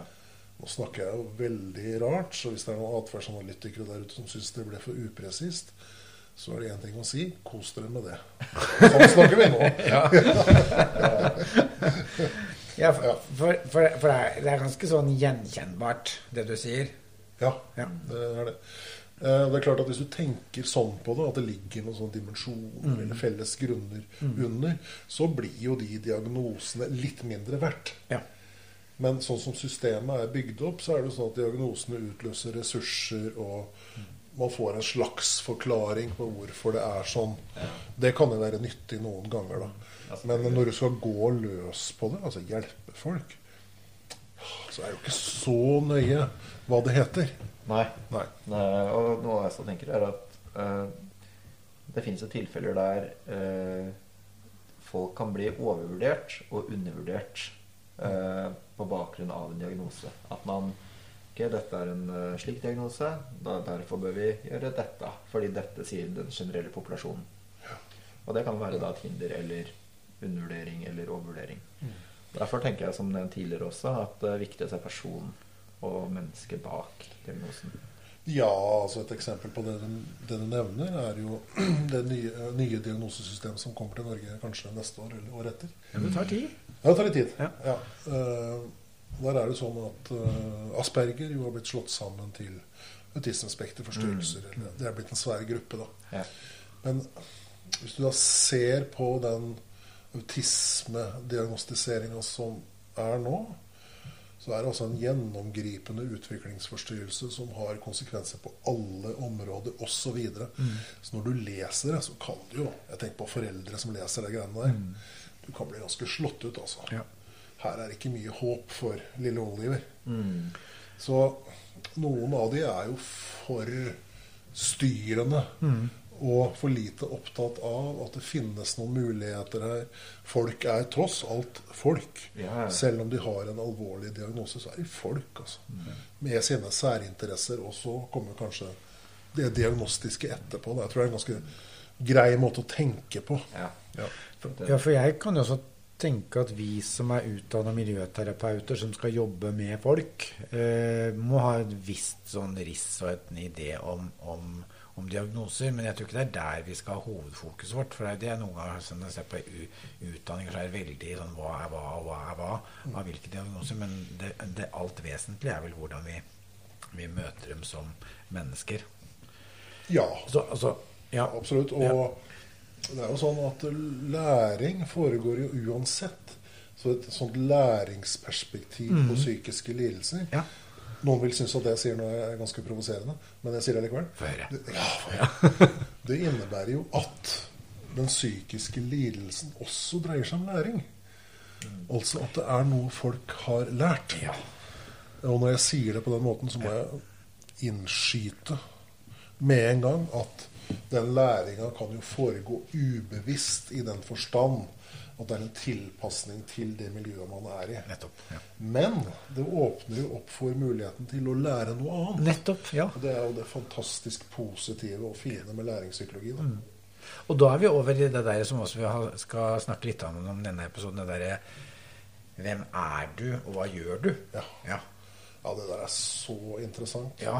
eh, ja. rett og slett. Og det her er For alle som er atferdsanalytikere, så burde det her være toppinteressant. For det dreier seg i prinsippet om hva slags menneskesyn ligger bak f.eks. atferdsanalyse og læringsteori. Og jeg mener at det er et menneskesyn som er basert på det som kalles for prosessfilosofi. Det er en del av filosofien som nesten har vært død i 2000 år. For det er en annen type filosofi og oppfatning av hva mennesket er og hva ting er, som kalles for substans eller substansiell filosofi. Det har vært den enerådende. Og den finner vi da i diagnoser. Ja. Eller som kategorier eller substanser. Eller ting. Gjenstander. Vi snakker jo f.eks. om én personlighet ja. osv. Ja. Så Og det ligger i den tenkinga, eh, altså det å gjøre prosesser om til ting, så ligger det faktisk også en tendens i språket til å snakke sånn. Så vi kan f.eks. da observere at uh, Bjørn klør seg under nesa, eller at du slår til Oliver. Og det du gjør da, er jo prosesser og beskrives med verb, slår og klør osv. Det er en tendens til, og den er ligger høyt oppe, altså, til å gjøre dette her om til et substantiv. Eller én ondskap hos deg. Ikke sant? Og det som da skjer, det er jo det som kommer ut av kroppen som atferd og noe som folk gjør, noe som folk kan bli, transformeres til noe folk er. Du er ond, du er dum, du er beregnende, du er kalkulerende. Slem. Du er slem. Ikke sant? Du er en idiot. Og alt det greiene. Og da Problemet som oppstår, er at det blir en enighet inni det som vi ikke har tilgang på. Atferd, det du sier og gjør osv., ja, det har vi tilgang på. Men den her substansen som da skapes, ja, det er problematiske greier. altså. Så det betyr jo at en viktig miljøterapeutjobb er i og for seg å gå fra de her substansene og over til prosesser. Så hvis en person som ruser seg, eksempelvis, sier til meg at eh, Nei, du Johan, jeg har sånn sug. Jeg har et sug. Som om det er et eller annet som suger inni kroppen. Ja. Da vil jeg alltid si at det var interessant. Eller, kan du si noe mer om det? Hva er det du tenker, hva er det du gjør når det suget er der? Så det jeg da i og for seg leder inn på, det er å ta den der samlebetegnelsen Suge. og suge Ja. og gjøre den om til noe som lar seg observere. Ja. Og det, begrunnelsen er at det kan vi forholde oss til og gjøre noe med. Da er jo veien kort over til funksjonelle analyser. Ja. Så hvis folk da f.eks. sier at ja, det suget det oppstår når jeg har opplevd noe veldig ubehagelig, eller når jeg har abstinens osv. Ja, da er veien åpen til funksjonelle analyser. Ja. Foranledningene var du gjorde sånn, konsekvensene var ikke sånn. Så det er en mye bedre vei å gå, da, sånn språklig sett. Dette her er en tendens vi bør være oppmerksomme på i miljøterapien. Når folk snakker i sånne overskrifter. Ja, og i substantiver, som du sier. Og, og, og, der er vi jo der, der Vi begynte jo der med diagnoser. Kan det fort bli et sånt substantiv som, eh, som eh, hva, er, eh, hva er en autist? Hva er en? Og så blir det et, eh, et er istedenfor uh, de prosessene. Ja. Ja. Og det mer kreative ja, hva kan folk bli? Ja. ja. Ja. Det er mye mer interessant. Så istedenfor en sånn boks- og kategorimetafor, så er det mye bedre å tenke seg livet som en sånn elv som flyter nedover. Det er noen brenninger her og der, og steiner ute, så alt er ikke mulig. Nei. Men allikevel så flytter ting på seg. Det er bevegelse, det er åpninger, og det er mulighet. Den måten å tenke på ligger jo for øvrig bak en av eh, de terapiformene som er relativt nye, og som har ganske god evidens. Altså sånn dialektisk atferdsterapi. Som jo bl.a. er aktuell eh, når det gjelder eh, sjølmord og sjølmordstanker. Ja. Og den spiller jo nettopp på den her variasjonen. Man har valgt begrepet dialektisk, da, som jo egentlig betyr på den ene sida og på den andre sida. Ja. Dia. ja, nettopp. Ja, da Ja. Eh, og saken her er jo at folk som da har tenkt å ta livet sitt Det er jo alvorlige saker. Og de går og sier de her tinga til seg sjøl, og i verste fall planlegger. Og da er det jo sånn at du, du er nødt til å høre på det som sies. Når folk forteller om det. Det er alvorlige saker, så må du høre på det. Ja. Men på et eller annet tidspunkt så må du jo få inn noe bevegelse, noe lys, eller hvordan jeg skal illustrere det. ja. Så du må rett og slett åpne opp for at det er noen andre ting her. Og da er jo det med variasjon og det å tenke på den her strømmen nedover et viktig sånn hjelpemiddel. Ja. Selv om situasjonen er fastlåst, det er alvorlige saker, det kan også være tung depresjon, er det noen muligheter for noe variasjon, altså noe bevegelse i den elva. Det er egentlig det du har å gå på som terapeut. altså ja. Og tenke på den måten. Det er klart at det bildet da er jo mye friskere og mer kreativt enn å tenke den boksen, den Ja. kategorien, den diagnosa. Akkurat i den situasjonen så er det den litt sånn redselen for å gjøre noe feil òg, da. Ikke sant? Som jeg kjente på det der å kaste ut noen av de variasjonene som kan være sånn Ja, ja. Men, men Ja, du må jo være forsiktig, da, selvfølgelig. Ja. Men på et eller annet tidspunkt så er du jo nødt til det. altså. Ja. ja, og jeg tror det der å åpne for som du sier, åpne for variasjon som det er noe å gripe fatt i. Ja. Ja. En annen variant av dette her er jo behandling av ja, depresjon. Det som kalles for atferdsaktivering. Som har vært kjent i noen år. Som innebærer i og for seg akkurat det samme. Du starter ut med å undersøke hva er folk er interessert i, hva slags verdier har de. Ja. Og så er vi egentlig over på det med mål og forpliktelse. Er det noe du kan gjøre her? Smått, kanskje? Som bringer deg i kontakt med forsterkere som tidligere har vært potente. Ikke? Så du begynner sånn i det små. Sånn som det er nå, så ligger du stort sett på sofaen, men hva med å Ja. Ja, og så videre. Den lille variasjonen som En er lille variasjon. Så. positiv retning. Ja, positiv retning. Så bra. Ja. Hvor er vi nå? Er vi faktisk der at vi liksom er i ferd med å liksom lande ut? Det har vi snakka om i poden. Ja. Var det flere ting altså, For jeg synes, Det er en ganske en positiv avslutning, og det er, jo bra. Ja. Ja. Det å, være, altså det å være positiv og finne løsninger, være kreativ, være oppmerksom på variasjon, det er altså en viktig ferdighet Ja. som miljøterapeut. Altså. Fordi at en, en jobber jo med folk som har det vanskelig, tjener dårlig sjøl, har sitt eget liv. Ja. Så det kan jo bli mye tunge greier. Ja. Så det å liksom, ha en regel på at jeg skal være innstilt på det som faktisk er mulig. Ja. Det er kjempeviktig. altså. Veldig. Alternativet er ganske dystert, Ja, faktisk. det er det. Ja. ja, men jeg tror den der, vi hadde noe nå på slutten den der å finne de variasjonene som er den positive retningen. da. Altså Prøve å skape de små variasjonene som gjør at det er noe å ta fatt i som en vil ha mer av. Det tror jeg er en sånn Også, også det der eh, gå ut av boksene og definere hva som er, men faktisk eh, det er prosesser som vi skal jobbe med. Ja. mm. ja og de siste, siste år eller år vært litt opptatt av eh, ja, buddhisme og buddhisme og atferdsanalyse. Ja. Men også stoikerne og atferdsanalyse. Ja. I betydningen at de her folka holdt på med ting som vi nå driver med, da, og kaller det terapi. Ja. ja. Eh, de her stoikerne var opptatt av sånne korte meditasjoner.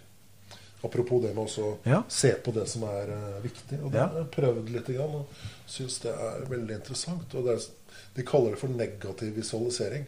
Så det høres jo tungt og fælt ut. ja. Men det du gjør, det er at du tar en runde, og så tenker du gjennom hva er som er viktig i livet ditt. Hva er verdiene i prinsippet? Smått og stort. Og til syvende og sist så er det sånn at kroppen din er viktig. da. Ja. For eksempel så kan vi ta det som utgangspunkt. Så en veldig kort meditasjon av den typen her, da, negativ visualisering, kunne være Her er venstre hånda mi, og så holder jeg opp venstre hånda mi nå, og så tenker jeg Hva hvis den forsvant? ja. Å, fytte rakkeren. Det er brått mye som blir vanskelig. Altså. ja. Ta på tannpastaen ja, det er Ikke ja. sant? Så da går det an å tenke sånn Kjære vene, altså. Livet er ganske tungt, men jeg har venstrehånda mi. Og jeg har faen meg høyre også. Og som er enda viktigere for mange altså. ikke sant? Så det er jo noe med å oppdage de tinga som faktisk kan være ålreit. Ja. Dette er ikke noe unnskyldning for ikke å gjøre noe med omgivelsene og livet sitt, og, og sånn, men tross alt så er det noe å ta tak i. Det er egentlig det som er budskapet. her. Så bra. Ja. Det var veldig Nå har vi vært gjennom en god del episoder. Eh, det blir spennende, og det kan hende at folk kommer med reaksjoner, og det er lov. Da, da kan vi lager noe mer etter hvert eh, med andre temaer. Tusen takk for at vi fikk komme til deg, Jon. Tusen takk. Så hyggelig at dere kom. Ja. Jeg syns dere har vært eh, veldig greie. Altså. Så bra. Ja, det må jeg si. vi oppførte oss korrigering på Ja, hendene. ja, en liten sånn straffeepisode her. Ja. Ja. Men det en tidligere episode. Det har gått opp seg til. Mm. Nei, men Fint. Da sier vi tusen takk. Det gjør vi. Ha det. bra. Adjø.